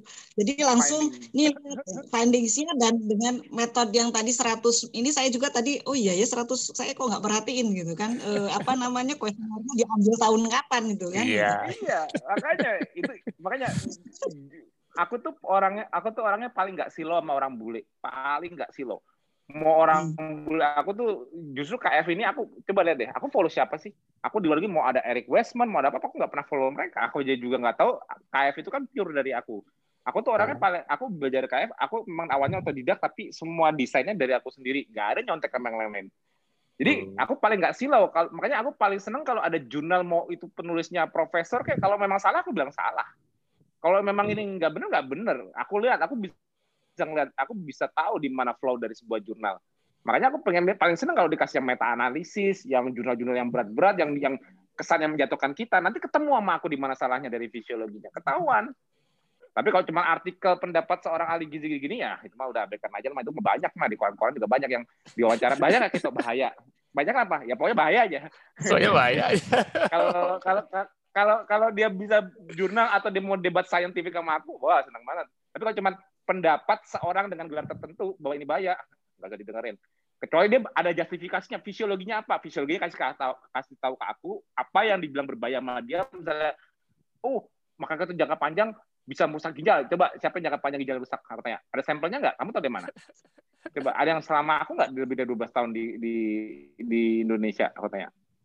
Oh, saya baca dari luar negeri itu ada yang 20 tahun ke itu oh ini ginjal coba mana uh, buktinya nggak bakal ketemu kalau ada kalau ada dia ujung-ujungnya ngambil ngambil jurnal dari yang high fat diet alias orang-orang makan kayak tadi itu Ya. Yang bukan fisiologi ketosis yang diambil samplingnya. Ya. Dan gulanya yang cuma tinggi lemak tinggi protein. Gulanya di 30 40. Iya. Iya pasti. Karbohidrat pasti nggak mungkin nggak ada yang bakal ketemu kayak gitu. Itu sebabnya Lancet dengan kekuatan meta-analisis justru jadi senjata kita untuk ngajak orang lepas karbo beneran. Orang-orang mikir dengan Lancet itu bisa nyerang kita, salah. Eh, lu nyerang kita dikasih senjata. Enggak salah.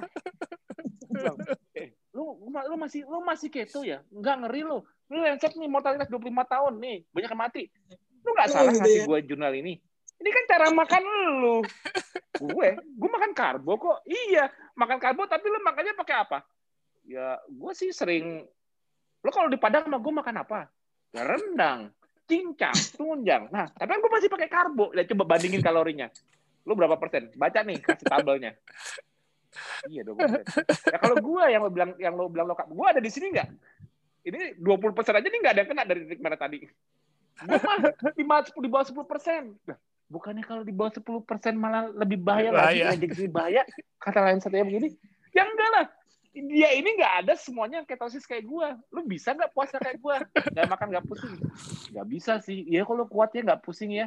Ya iyalah nggak lemes. Enggak nggak gemeter gimana? Kan gue udah bakar lemak. Bakar lemak di makanan tunjang cincang gue hmm. bakar lemak di pipi perut paha gue gue metabolik flexibility gue meningkat. Lu makan enak-enak telat makan pusing. Berarti lu nggak kenal lemak kan? Enggak. Ya udah selesai. ini lanjut gue balikin ya, ya. ini buat lo. Kira ini berubah tadi, mortalitas resiko tinggi. Membent apa me, me, uh, tadi antara Lancet itu ya yang makanan low carb itu dengan kan itu tanpa penghitungannya tanpa fasting ya. Nah, kalau misalnya ya. intermittent fasting, ya ini eh, yang sering nawar, ya, yang sering nawar itu nah, saya puasanya cuma satu mbak. Kembali ke fisiologi. Ada keton nggak? Gitu aja. Kalau nggak ada keton sama aja bohong. Kan nggak pernah ada fisiologi antara otak dan lemak. Jadi gini aku tahu yang mbak Mas tahu. Banyak yang suka nawar. Mbak Mas saya boleh nggak fasting aja? Saya sih suka fasting. Nah. mungkin dalam tujuan ibadah apa apa gitu. Tapi saya nggak mau low carbnya saya masih pengen makan nasi roti mie. Nah oke okay, oke. Okay. Nah, boleh aja tapi jangan pernah tinggi protein dan lemak. Aku bilang hmm. boleh. Tetap tetap tetap nggak ada yang justifikasi tinggi protein dan lemak. Mendingan makan kayak low fat aja. Makannya direbus-rebus, kurangi minyak, kurangi garam, banyakin tahu tempe. Jangan makan ikan telur ayam, banyak-banyak nggak boleh. Tapi kan itu enak. Ya nggak boleh banyak-banyak. Kan nggak ada ketosisnya. Tapi kan saya iya. puasa ya. Terus kalau puasa kenapa? Emang kalau puasa kamu otaknya bisa pakai lemak di badan? Kayaknya sih bisa, Mas. Buktinya apa? Yang membuktikan otak bisa pakai lemak di badan, di darah terbukti cuma satu parameter keton. Tanpa adanya stres stres keton pun di darah, gimana secara fisiologinya otak dengan blood brain barrier tebel itu bisa nyebrangin? Nggak ada, nggak ada ceritanya, nggak bisa. Jadi mau orang mau puasa berapa jam pun, tapi pada saat dia buka dia makan karbo dan terbukti dia tidak memiliki keton sedikit pun, dia tidak pernah bakar lemak di otaknya. Itu udah dijamin, Mbak. Udah udah kartu mati. Jadi membuktikannya bukan masalah nawar-nawar ya terserah lu mau makan kayak apa. Tes aja di darah.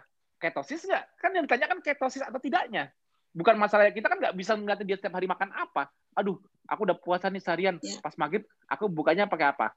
Sirup, cincau sekali. Besok puasa lagi. Ya, ya sama aja bohong nggak? Yo yo. nawar gitu. Sama aja bohong. Tujuan tujuannya puasa di KS kan akhirnya puasa itu mudah Hmm. Kalau pertimbangannya dari balance energi gimana? Balance energi. Ba ya, terserah. gini gini. Oke. Tidak ketosis, tidak. Jadi gini. Berarti berarti dia diet ala normal. Jadi gini. Ah, yang saya tahu.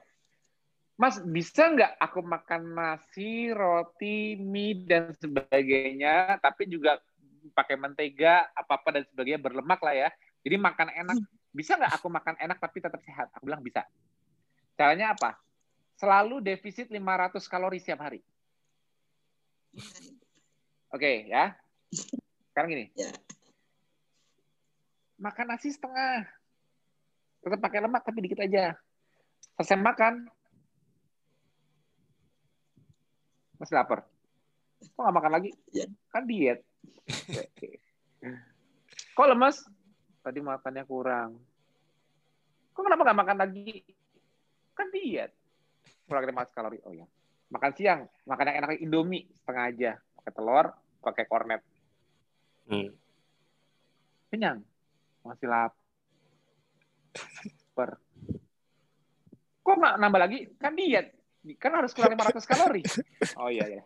Oke, makan malam stick pakai kentang. Sticknya setengah, kentangnya dikit. Masih lapar? Masih mau tidur jam berapa? Nggak bisa tidur. Kenapa? Masih lapar. Kok nggak makan aja? Kan diet. kan harus kurang 500 kalori. Bayangin orang yang yang nggak kenal dengan lemak di badannya sehingga seperti itu. Itu artinya diet motong kalori. Itu terjadi. Kamu tahu kamu, orang yang mengurangi kalori tanpa tanpa mengalami ketosis pasti tahu dia lagi diet. Gak mungkin nggak? Yeah. Semua bapak-bapak tahu kalau ibu istrinya lagi diet. Kenapa? Karena bapak-bapaknya diomelin dulu. Bapak-bapaknya disalahin dulu. Tapi suaminya stres. Mah, selesai dong dietnya, mah. Papa dimarahin terus. Bener nggak? Bener. Itulah diet potong kalori. Pada saat ada ada sekarang aku tanya, sekarang kalau kalau energi balance 2000 kalori energi balance misalnya gini. Terus 500 kalori dipikirnya mau diambil dari apa, Pak? Dengan aku makan 500 tidak makan 500 kalorinya, ke BM ku anggap aja gini, perhitungan BMR ku dan total daily expenditure ku dua, dua total 2000. daily expenditure ku dari olahraga dua 2000 kalori deh. Hmm. Dari 2000 kalori aku desain makanku cuma 1500 deh dari dari SMA Ali Gizi. Nah, sekarang 500 kalori ini harapannya mau diambil dari apa? Ya kan biar diambil dari lemak di badanku. Ya, harapannya begitu. Ngarep, Dek. Ngarep. Ngarep. itu ngarep. Bohong kalau kamu nggak tahu ini 1500 ini kamu masih lapar apa ini bohong. Bohong kalau kamu nggak berasa apa-apa mengurangi 1500. Kalau kalau tanpa ketosis ya. Kalau isinya 1500 ini masih ada karbonnya, cuma dikurangin ininya, bohong kalau kamu nggak tahu kamu sedang diet. Iya. Kenapa? Karena dari 500 kekurangannya ini, yang pakai lemak anggapnya cuma 200 kalori yang bisa diakses oleh otot dan sebagainya. Yang otaknya gimana? 500 kalori ini kan berarti kekurangan untuk seluruh tubuh termasuk otak. Iya. Otak kamu emang bisa ngambil dari dalam? Ngambil apa? Ngambil gula. Emang kamu diabetes? Dia beli otak. emang gula darah kamu 300 eh, buat top cadangan bakar otak kan enggak kan? Minta. Makanya kira-kira otak kamu kira-kira otak kamu pakai apa untuk isi 500 kalori ini? Ya ada. Otaknya masih teriak gula, akhirnya ototnya dihancurin 500 kalori itu ada sebagian kebutuhan gula yang harus dipenuhi dari dalam. Nah, kalau kebutuhan gula untuk otak dipenuhi dari dalam yang buatin siapa? Liver. Liver. Kalau liver harus buat gula sebanyak itu setiap hari. Kira-kira ngambil dari mana? Otot. Otot. Makin lama makin lemas. Kira-kira setelah lama kamu setelah kamu kurus, setelah kamu nanti kurus, kira-kira yang hilang kamu lemak apa? Lemak aja apa sama, sama ototnya? Otot. Kira-kira kamu tambah seger, tambah kuat, tambah kuat puasa, apa tambah lemes, tambah nggak kuat puasa, tambah Tambah tambah performanya? Hmm. Nggak bisa dibohongin. Jangan lihat makanan, lihat fisiologi. Nggak bisa. Jadi kuncinya adaptasi dengan kondisi puasa ialah mengenali tangki bensinnya sendiri. Itu rahasianya. Hmm. Taunya tubuh kita mengenali tangki bensin gimana? Nah sekarang gini, mesin paling terutama di tubuh kamu sebagai pengontrol apa? Organ yang mana? Jantungkah yang paling utama? Liverkah Hmm. yang paling utama? Atau otakmu kah yang paling utama? Otak.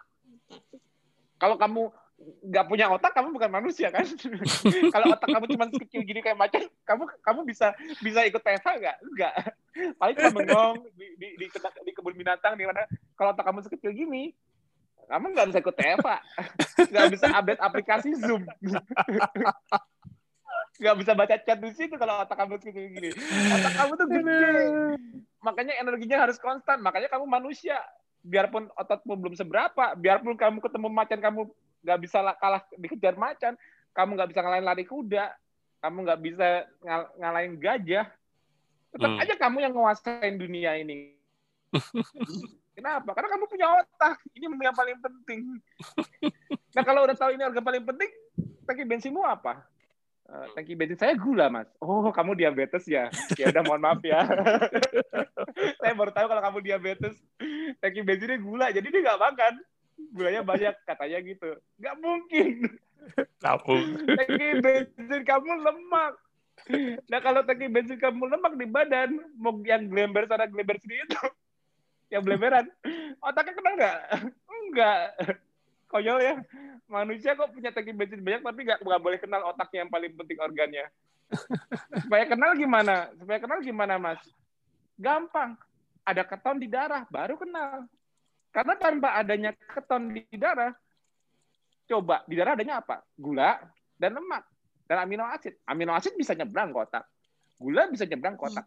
Lemak nggak bisa. Lemak ke mana-mana harus pakai gojek.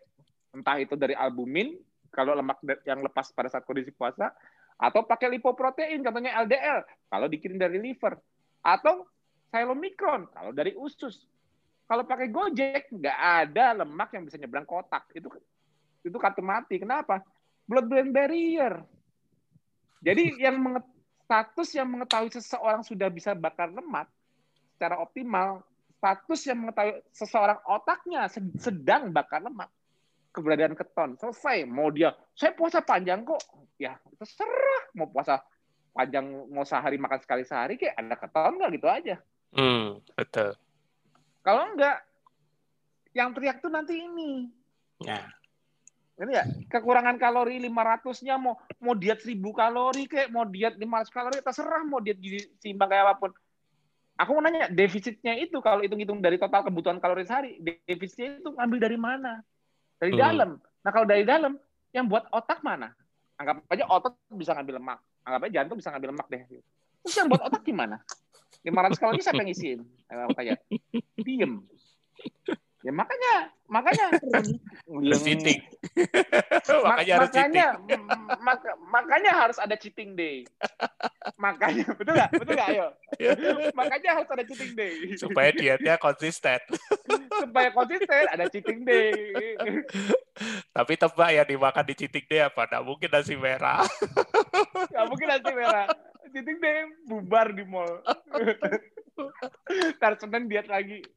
Senin makan roti gandum lagi, Senin makan nasi merah lagi, rendah lemak lagi. Satu minggu bubar jalan. Kalau ditotalin dalam satu minggu itu ditotalin tau gak? itu Lancet. Ayo. Apa? Totalnya kalorinya. Kalau kalau makan cara kayak gitu satu minggu cheating day habis-habisan. makan pizza yang banyak dagingnya tambahin lagi mayonesnya berlemak. Enak kan? Ambiar itu. Makanya makanya para warrior aku sarankan simpen jurnal Lancet ini. Ya. pamerkan. Pamerkan ke teman-temannya. Setiap teman-temannya ada yang makan bareng kita. Ih, lu kan bahaya. Maksud lo ya lu kan nggak pakai nasi bahaya. Nah tunggu sampai dia ngambil lauknya nih begitu dia ngambil lauk yang enak kayak kita. Nih jurnal Lancet buat lo. Ini apa nih? Judulnya carb iya. Lah ini bukan baru. Oh, enggak ini buat lo. Ya deh baca deh tarik deh tabel. Ini lo apa? Tuh tuh kayak lo tuh nasinya satu. Lihat tuh yang lo ambil rendang tunjang cincang. Makanan gue lo ambil juga. Makanya udah lo makan nasi aja ya. Rendang sama cincang ini buat gue aja ya. Hati-hati Lancet lo. Ayo udah buat gue aja. Lo makan pakai sayur aja nih. Nanti sayur ada. Ada tempe rebus tuh. Lo makan nanti sayur rebus. Ini aman kalau buat karbo rendang buat gue ya. Telur buat gue ya. Iya ada loh Cuma ini kalau posisinya eh, sebagai dokter merawat, ya. Eh, terus kemudian kita tuh menyarankan, gitu kan, menyarankan, udah memberi masukan bahayanya dengan fisiologinya. Jadi ini masalahnya, misalnya eh, apa sakitnya ini, ya, apa pun sakitnya biasanya saya saya hubungkan dengan dietnya itu. Nah, tetapi ya itu tadi yang nawar itu ya. Nah, kalau kita sebagai dokter yang merawat pasien itu, itu tidak bisa eh, apa ya namanya tuh eh, mengatakan ya udah kalau mau mau kalau kalau iya iya kalau enggak enggak enggak bisa. Jadi kalau misalnya saranku eh, bertahap mbak bertahap tapi tapi nggak jangan izinkan mereka tinggi lemak dan protein. Gini. Kalau kalau kalau mbak kan gizi seimbang nih. Kalau kalau protokol Mm-mm. rumah sakit kan gizi seimbang. Rendah lemak dong pasti dong. Oke. Orang yang Ya. makan gizi seimbang ini tapi masih ada masalah penyakitnya masih ada obesitasnya masih apa nggak nggak nggak ber- nggak bekerja tapi disuruh KF dia nggak mau nggak mampu. Oke. Sekarang gizi seimbang tapi turunin karbonya pelan-pelan. Tapi tidak boleh menaikkan lemaknya. Tetap Hmm. karena dia tidak ada keton mbak Ya, jangan ya. jangan izinkan dia jangan izinkan kalau yang masih nawar-nawar ya boleh aja mau ngurangin nasinya dulu tapi jangan berarti kamu udah ngurangin nasi ya saya pelan-pelan deh ngurangin nasi dulu Nambahin Tapi- lemaknya. tapi gue udah boleh dong makan rendang udah boleh dong makan tunjang jangan itu bunuh diri Bunuh boleh. diri. tetap tetap low fat dulu dan walaupun mengurangi kayak mengurangi mengurangi karbo ini mempertahankan resikonya dia untuk metabolic syndrome jalan dengan tetap. Kan dia nggak mau benar-benar lepas karbo. Ntar kalau dia benar-benar ya aku udah bisa lepas karbo nih ya udah tuh ambil tuh kikil tuh jangan terserah dia mau makan di jam makannya mau makan apa. Hmm. yang penting gak ada karbonya. Itu ini tekniknya seperti itu. Jangan jangan kita bikin metabolic mayhem dengan dengan cara dia mengurangi karbo aku mengurangi karbo pelan-pelan dok tapi tapi terus kita dia merasa punya justifikasi. Nah itu. dia Jadi merasa punya justifikasi untuk bisa makan lemak itu yang nggak boleh mbak kan malah Nah, mbak yang salah Ya, jadi kalau misalnya ya kurangi aja nasinya nggak gitu. boleh. Tapi saya kadang-kadang ya. Tapi- nggak nggak menekankan low fatnya gitu loh. ya Jadi tetap tetap akhirnya tuh satu- daripada kebanyakan nasinya gitu ya Betul, dikurangi betul, separuh betul lumayan gitu. Ya, ya. ya ya lumayan mengurangi mengurangi Hmm, transisi tapi kalau kalau kalau saran terbaik karena kita karena kita udah tahu fisiologi sampai kapan pun selama tidak ketosis tidak ada yang namanya high fat itu bagus kenapa kalau mbak ketik di nyari jurnal mbak nyari jurnal dengan keyword high fat doang deh high fat diet nah ketik jurnal dengan dengan high fat diet NCBI PMC lihat hasil yang keluar apa nih Coba nih, aku aku iseng-iseng. Aku mau ngetik membuktiin. Yang dimaksud high fat diet itu bukan low carb ya. Iya. Jadi kalau aku ketik high, Cardnya di antara 35 40 paling rendah itu. betul. Iya, Betul udah itu. kan. Jadi jadi karena ketinggian jadi high fat diet aku cari NCBI PMC D20. Nih.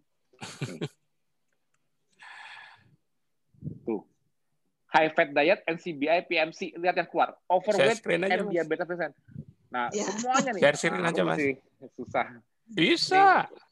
Pokoknya gini, high fat diet drives obesity. Coba High fat aku, aku diet cari ya. menim- Googlingnya apa, Ah. Mas? high fat diet aja, high fat diet NCBI PMC. Dah, nanti keluar high fat saturated fat diet in decrease insulin sensitivity, bikin abdominal fat. Nanti bakal ketemu, bakal arteriosklerosis, bakal diabetes. Cuma dengan kata high fat diet itu, wah jurnalnya jangan tanya berapa banyaknya. Itulah berapa banyak jurnal yang bilang lem- high fat diet itu buruk. Tapi dicatat, itu makanannya high fat. Dia tidak pernah menghilangkan karbonnya. Itu yang ditemukan Lancet. Makanya dibully jadinya. Karena apa? Dia masih nggak dia nggak ketosis tapi dia maunya lemaknya banyak-banyak.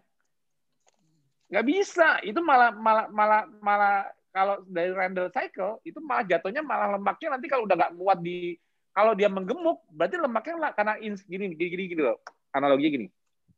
Selama orang makin mas- masih makan karbo, kira-kira jatuhnya lemak itu keluar dari dari adipos apa didorong ke adipos logikanya Mbak Bari- Barita Didorong masuk, didorong masuk, Masuk. kalau selama masuk. karena karbonya Karena insulin. karena karena, karena syaratnya Insulinnya- insulin kan Iya. syarat syarat anaboliknya kan insulin kan nah bayangkan Hmm. dia masih mengurangi karbo yang insulinnya belum turun banget belum memicu ketogenesis tapi dia meninggikan lemaknya kira-kira makin membuat lemaknya hipertrofi nggak sel lemaknya. Iya. makin tetap malah membuat itu. Jadi kita membayangkannya dari fisiologi. Walaupun kita ngomongin yang makanan tapi kita nggak mengizinkan. Selama kamu tidak ketosis tidak ada itu high fat bagus.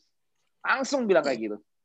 Selesai udah. Kenapa? Karena fisiologinya selama insulin kamu masih bisa dorong lemak ke ke, ke adipos tisu saya cuma takut sampai adipos tisunya itu sudah nggak kuat nyimpen akhirnya lemaknya malah disimpannya di yang masih insulin sensitif di liver jantung pankreas, ginjal. Ya, Akhirnya di situ nyimpennya lipotoxicity-nya karena di situ yang mau dengerin insulin. Yang lain udah adipos tisu udah insulin resistan. Karena udah hipertrofi, udah masalah insulin reseptornya kan gini loh. Kalau sel adipos lipid dropletnya membesar, morfologinya membesar, otomatis kan mitokondrianya makin sedikit. Iya. Artinya kemampuan kemampuan sel tersebut untuk untuk respirasi selnya menghasilkan ATP-nya makin rendah karena lipid dropletnya kan lipid dropletnya kan membesar. Nah, kira-kira di kondisi lipid droplet yang membesar terus sifat sel lemaknya hipoksia nggak? Jadi penurunan kadar oksigen. Nah, kalau dia hipoksia terjadi stabilis 100 Ya. Nah, betul. Jadi kalau begitu dia hipoksia terjadi stabilisasi HIF1 ya. Hmm. Akhirnya tau nggak apa? Akhirnya sifatnya malah mengundang makrofag. Mengundang Hmm. makrofag M2. Eh sorry, makrofag M1 yang inflamatori. Ya. Akhirnya akhirnya inflamasi di di adipos tisu memicu apa? Memicu insulin resistan selain dari tumor nekrosis faktor alfa interleukin yang disekresikan oleh makrofag yang membuat Hmm. insulin reseptornya tidak sensitif lagi mendengarkan insulin. Kalau Ya. kalau sampai sel lemak tidak sensitif mendengarkan insulin, kira-kira banyakkan lipogenesis apa banyakkan lipolisisnya? Akhirnya malah banyakkan lipolisisnya. Yes. Nah, begitu lipolisis berlebihan di darah, artinya nggak usah nunggu lemak dari makanan. Orang nggak makan aja dia lemaknya banyak ke darah, tapi Hmm. tidak ada satupun lemak yang digunakan untuk energi. Kira-kira tuh lemak Ya. itu malah malah kompet di sel-sel lain yang fungsional, contohnya di otot, jantung, Ya. liver. Itu lemak yang masuk ke situ kan nggak dibakar, karena mitokondrianya kan anggap aja masih dipakai sama gula. Otomatis kan beta oksidasi nggak bisa masuk dong. Nah, akhirnya lemaknya itu cuma lemaknya cuma berdifusi di sel-sel lain masuk ke dalam sitoplasma. Kira-kira kalau di sitoplasma nasibnya lemak jadi apa?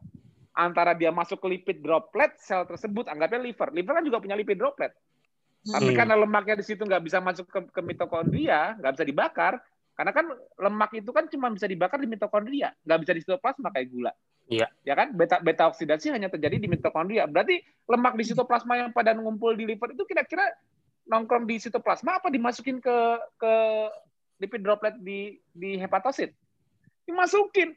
Lama-lama hepatosit lama-lama hepatosit yang bukan sel untuk penyimpan lemak tidak punya lipid droplet, punya glikogen, tapi tidak terdedikasi untuk menyimpan glikogen sebanyak otot, tidak terdedikasi untuk menyimpan lemak sebanyak sel lemak.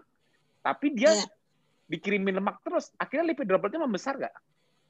Ya, Nah, perlu makan kalau udah mem- nah, kalau udah membesar di, di abdomen di, di USG kelihatannya apa? Mas Gelden. Ya, Oh, itu. begitu ada lemaknya di hati yang di mak siapa? Gara-gara makan lemak kan? Ya. Itu dong, gara-gara high fat diet dong. Ya kan? Iya. Nah, makanya para dokter begitu ngeliat keto yang makanan tinggi lemak, hati-hati kerja keras di liver. Banyak tuh orang yang makan tinggi lemak pada steatosis, pada fatty liver. Itu yang ditemukan di TKP. Fisiologi sih nggak tahu, pokoknya dia banyak makan lemak, lemaknya di liver Begitu aja. aja. Padahal kebalikannya begitu kita nggak makan karbo, livernya langsung bersih duluan. Iyalah. Begitu ketogenesis, ketonnya gua ambil duluan dari lipid dropletnya. Mau ngempis duluan, nggak usah nunggu dari adipose tisu. Selesai. Hmm. Makanya kalau cuma ngeliat kata dari makanannya, high fat, selesai kita. Jangan ada yang menjustifikasi KF secara lemaknya. Dibantai kamu dengan berbagai jurnal kalau nggak bisa ngalahin fisiologinya. Soalnya aku, kalau kalau mau mau mau, mau nimpukin aku jurnal, monggo. Aku yang bacain. Tapi kalau para warrior yang belum bisa baca jurnal dengan baik, jangan bangga dengan lemaknya. Dibantai kalian dengan jurnal-jurnal Ya. high fat. Ya. Karena kalian kan juga masih, oh iya ya high fat bahaya ya. Kalian kan juga nggak ngerti cara baca jurnal. Taunya ada, taunya ada judulnya terus ada konklusinya. Mak- Hmm. makin banyak, itu banyak kan paling baca di situ doang. Judul high fat atau judul carb, konklusinya, findingnya selesai. ada yang ada yang ngerti cara baca kayak Lancet aku tadi baca nggak? Langsung ketahuan pro jadi mana? Berapa banyak orang ketipu dengan Lancet? Berapa banyak? Profesor aja ketipu kok. Iya nggak? Kalau dengan judul silau dengan judul, silau dengan finding, silau dengan orang bule. Cuman itu cuman dia. lihat kata kuncinya meta analisis. Wah, penting nih, bagus ya. Meta analisis, so what mau meta analisis nggak nggak ngaruh buat aku mau meta analisis kak. Mau Metallica kayak nggak ngaruh. Kalau salah salah aja. Aduh, Seru ya. Itulah pentingnya. Makanya kalau di KF itu kita harus kuat di fisiologinya. Ya. Makin lama orang-orang makin lama mak- makin lama banyak orang respect dengan kita karena orang ngerti fisiologinya. Kadang-kadang gini, banyak yang nggak su- kita sendiri merasakan kesehatan dia. Coba gini deh, kalau memang berbahaya, kalau memang mortalitas tinggi, kok masih mau sih tiga tahun KF? Bukannya badannya harusnya tambah sakit. Bener nggak? Kalau gini loh, kalau seseorang gaya hidupnya salah menuju resiko mortalitas, contohnya orang yang gaya hidupnya membuat dia diabetes, orang yang gaya hidupnya membuat dia arteriosklerosis, orang yang gaya hidupnya membuat dia akhirnya jadi kanker, menuju dia mengalami penyakit-penyakit kronis itu, menuju Hmm. kira-kira badannya tambah seger dulu, tiba-tiba ketahuan ada kanker. Badan tambah seger, seger dulu, ketahuan ada jantung. Kira-kira begitu apa? Udah mulai nggak enak badan, udah sering minum obat untuk ngilangin sakitnya, ma- udah mulai gampang capek, masuk angin, udah mulai makannya tadi bisa sedikit, sekarang agak lebih banyak karena cepet capek, lemas, udah mulai tidurnya nggak bagus. Kira-kira gaya hidupnya mengarahkan seperti itu sebelum ketahuan penyakit kronis apa? Kayak kita yang makin lama makin terserah lah, ada yang mau bilang makin glowing, makin seger, makin makannya makin sedikit. Kira-kira kayak gitu nggak perjalanan perjalanannya suatu gaya hidup menuju kekronikan penyakitnya? Ayo. Nggak masuk akal kan? Jadi kalau kalau ada yang ngebully dari itunya aja nggak bisa jawab dia. Kalau memang gaya hidup gue salah, kenapa makan gue makin sedikit? Harusnya kan gue makin nggak makin tidak fleksibel metaboliknya. Karena gini, seseorang Hmm. menuju problem metabolic syndrome, problemnya selalu di respirasi sel semakin sel-sel di tubuhnya memburuk respirasinya, semakin kemampuan kan respirasi itu kan mitokondria kan menghasilkan energi, semakin Ya. kemampuan menghasilkan energinya turun. Semakin turun kemampuan menghasilkan energinya, semakin dia mengandalkan energi dari makanan. Betul. Semakin dia mengandalkan energi dari makanan, semakin dia milih yang cepat menghasilkan energi apa? Gula. Glukosa. Makanya manusia yang merupakan kumpulan sel dari bayi sampai tua itu disebut namanya aging. Jing.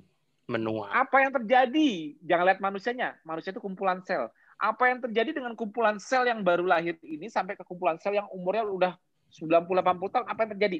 Dari morfologinya bedanya apa? Langsung kelihatan. Ambil sampel sel di anak bayi, ambil sampel sel di anak di anak di orang tua yang udah 80 tahun, di di, di lokasi Bandingkan. sel yang sama, Hmm. entah itu sama-sama jantung, entah itu sama liver, sama bandingkan morfologinya yang langsung kelihatan apanya? Mitokondrianya. Selesai. Hmm. Bedanya jelas di situ. Respirasinya menurun.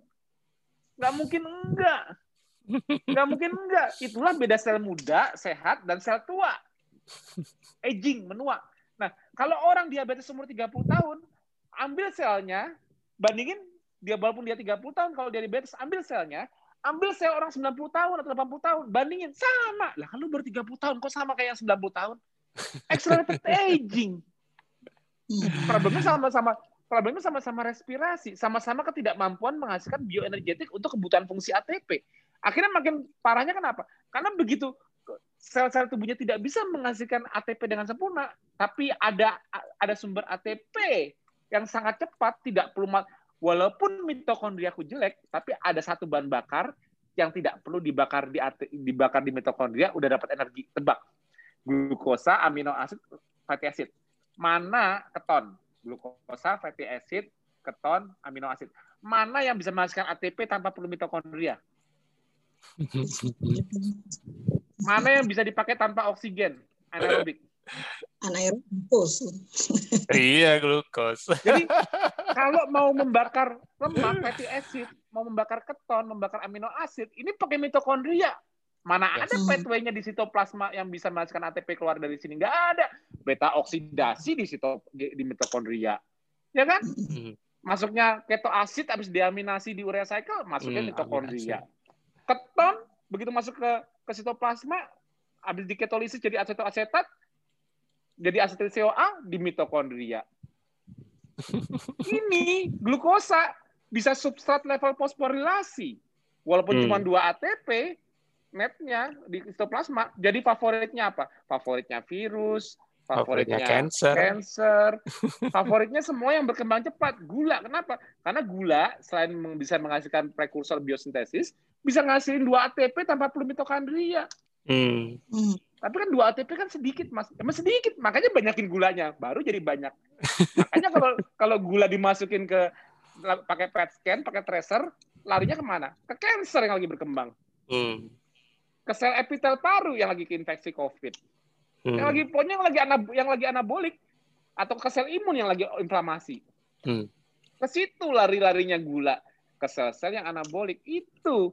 Kenapa? 2 ATP net tapi jadi banyak kalau gulanya tinggi. Makanya pakainya GLUT 1. Bukan GLUT 4.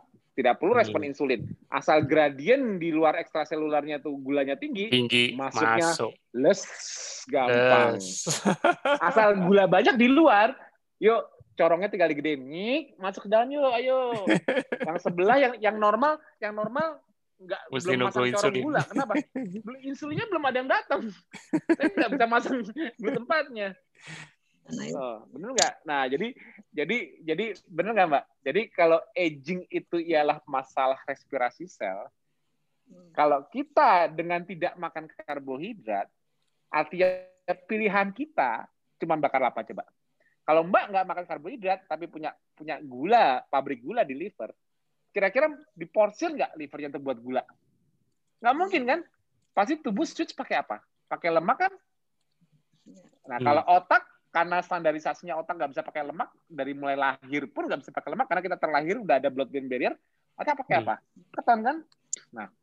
walau keton itu kan asalnya juga dari lemak nah sekarang aku tanya keton lemak masih ingat nggak tadi dibakarnya di mana untuk jadi ATP mitokon ya. Kan Iya. jadi jadi orang yang beradaptasi beradaptasi dengan tidak makan karbohidrat dan dia harus Hmm. ma- harus bakar lemak atau keton kira-kira sel-sel tubuhnya bakal bakal meningkatkan jumlah apanya jumlah mesin mitokondria. penghasil Mitokondria.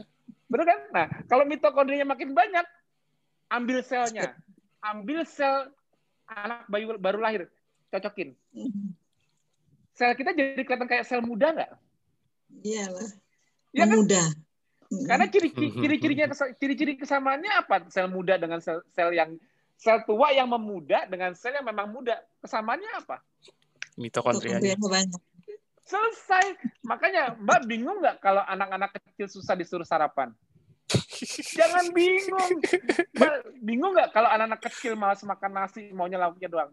Jangan bingung juga. Oh, mereka masih kecil kok, masih mitokondria banyak kok mau mau gedabikan pencaritan ke mana-mana dari pagi bangun juga mereka masih bisa bakar lemak mau mitokondria masih bagus. Yes. Nah, sekarang orang yang udah mau 70 tahun, coba nggak usah 70 tahun lama-lama. Begitu dia sudah tidak muda, begitu 30 tahun ke atas deh, kira-kira makannya banyakkan lauknya apa nasinya? Sekarang orang susah nggak melepas nasi di orang tua? Susah anak kecil ya. bener mah boleh nggak makan nasi? Malah happy mereka. Boleh nggak makan lauknya doang? Seneng mereka. Tapi orang tua nggak pakai nasi. Nggak pakai apa. Kenapa? Nah itu yang aku maksud. Semakin mitokondrianya jelek semakin mengandalkan yang cepat-cepat. Jadi dia semakin butuh gula. Ya karena gini loh. Jadi karena semakin tua itu semakin tidak mampu menghasilkan energi, energi dari mitokondrianya sehingga yeah. mengandalkan yang gula terus akhirnya malah sekom gitu maksudnya malah jadi makin menurun makin terjerumus hmm. nah, semakin hmm. mitokondrianya jelek semakin accelerated aging hmm. lebih cepat lagi peningkatannya maka diabetes itu sama aja kayak diabetes itu secara morfologi selnya sama seperti orang sudah tua banget udah selesai itu aja mau entah itu hmm. masalahnya tercerminnya dari gula darah tinggi kah jadi dibilang diabetes kah di level sel cuma satu masalah respirasi dan ikhtiar kita yaitu memperbaiki kembali respirasi selnya. Ya. Itu baru fisiologi bukan katanya.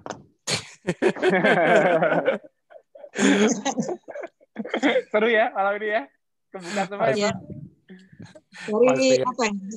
Ada sisi-sisi mindset yang yang sebenarnya kalau kalau dari pendidikan kedokteran itu sebenarnya ada, tetapi terpisah, tidak komprehensif kayak Mas Tio tadi. Jadi ah. sebenarnya fisiologi kita tuh belajar, biokimia belajar, biomol ya belajar gitu. Tapi nggak dimatchkan seperti ini. Jadi ya ini ada kalau di pembuluh darah itu ada anastomostis atau sambungan antar darah itu yang ter, tersambungkan, tercerahkan ya. gitu. Alhamdulillah.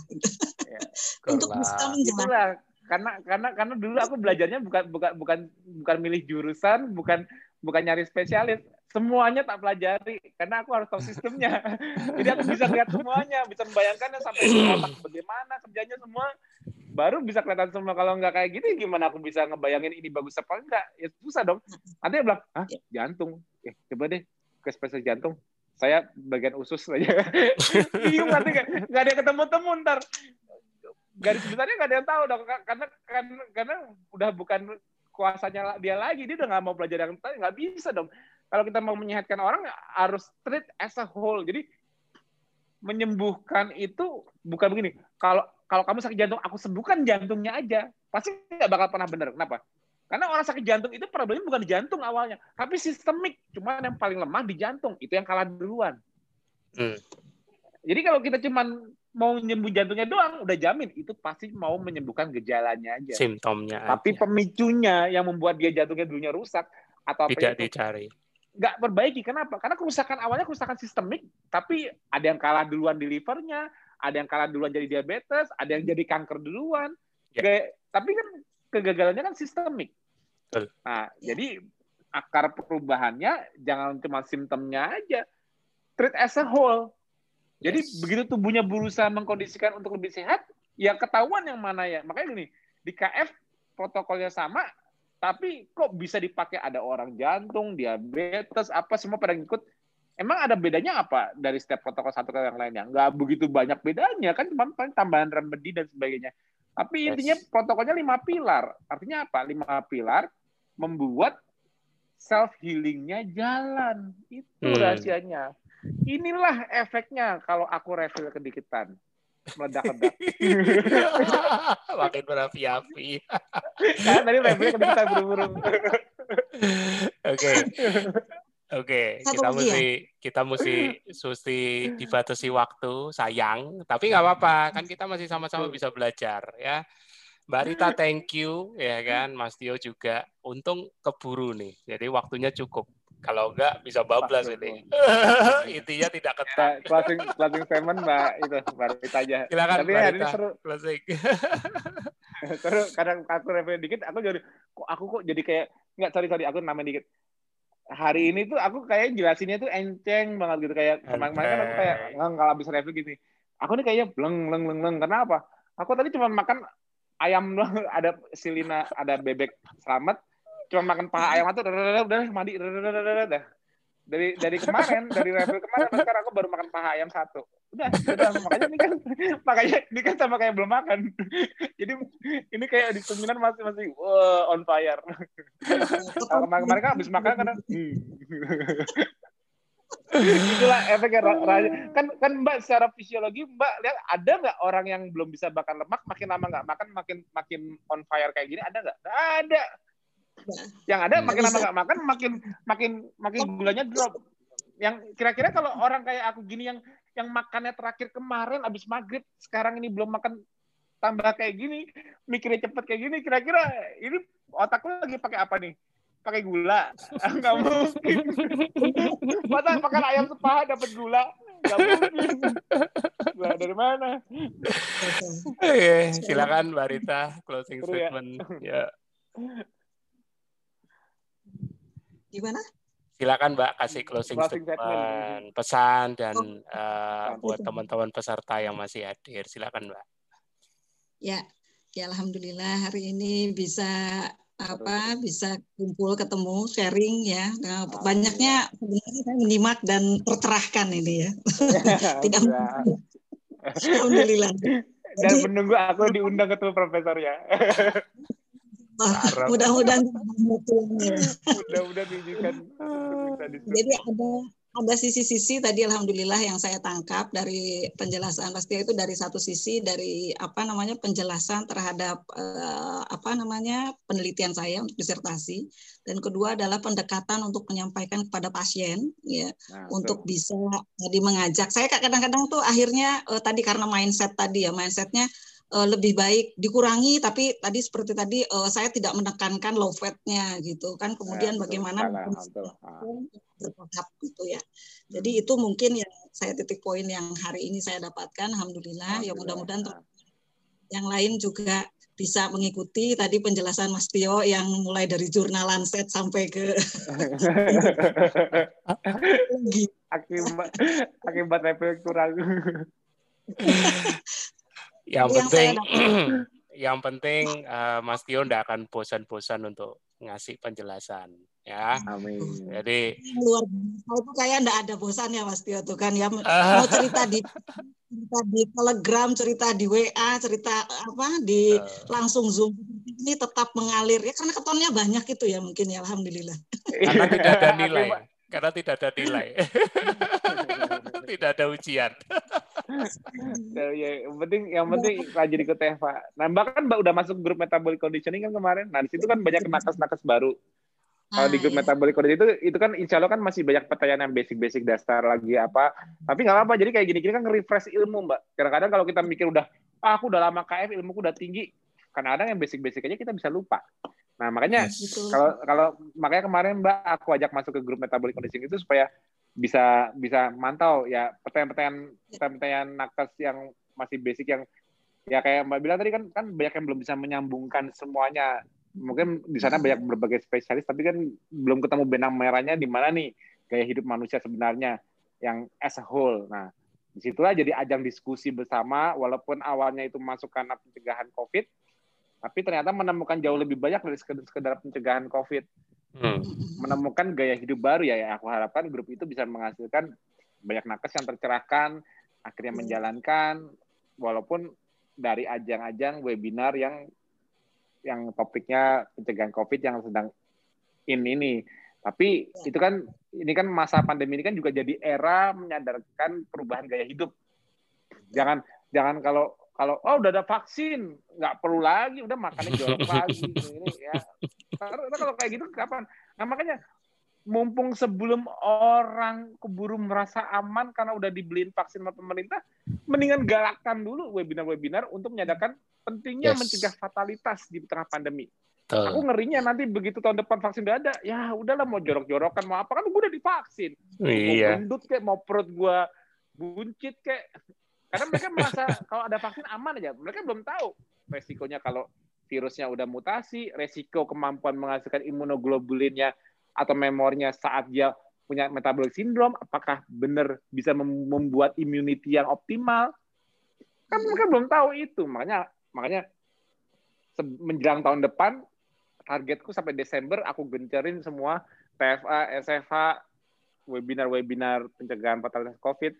Kalau bisa semelek-meleknya, karena mumpung di masa pandemi orang masih aware kesehatan. Kalau udah ada Hmm. pandemi, mana ada yang aware kesehatan? Mana ada yang Yes. peduli dia mau diabetes? Diabetes tinggal minum obat.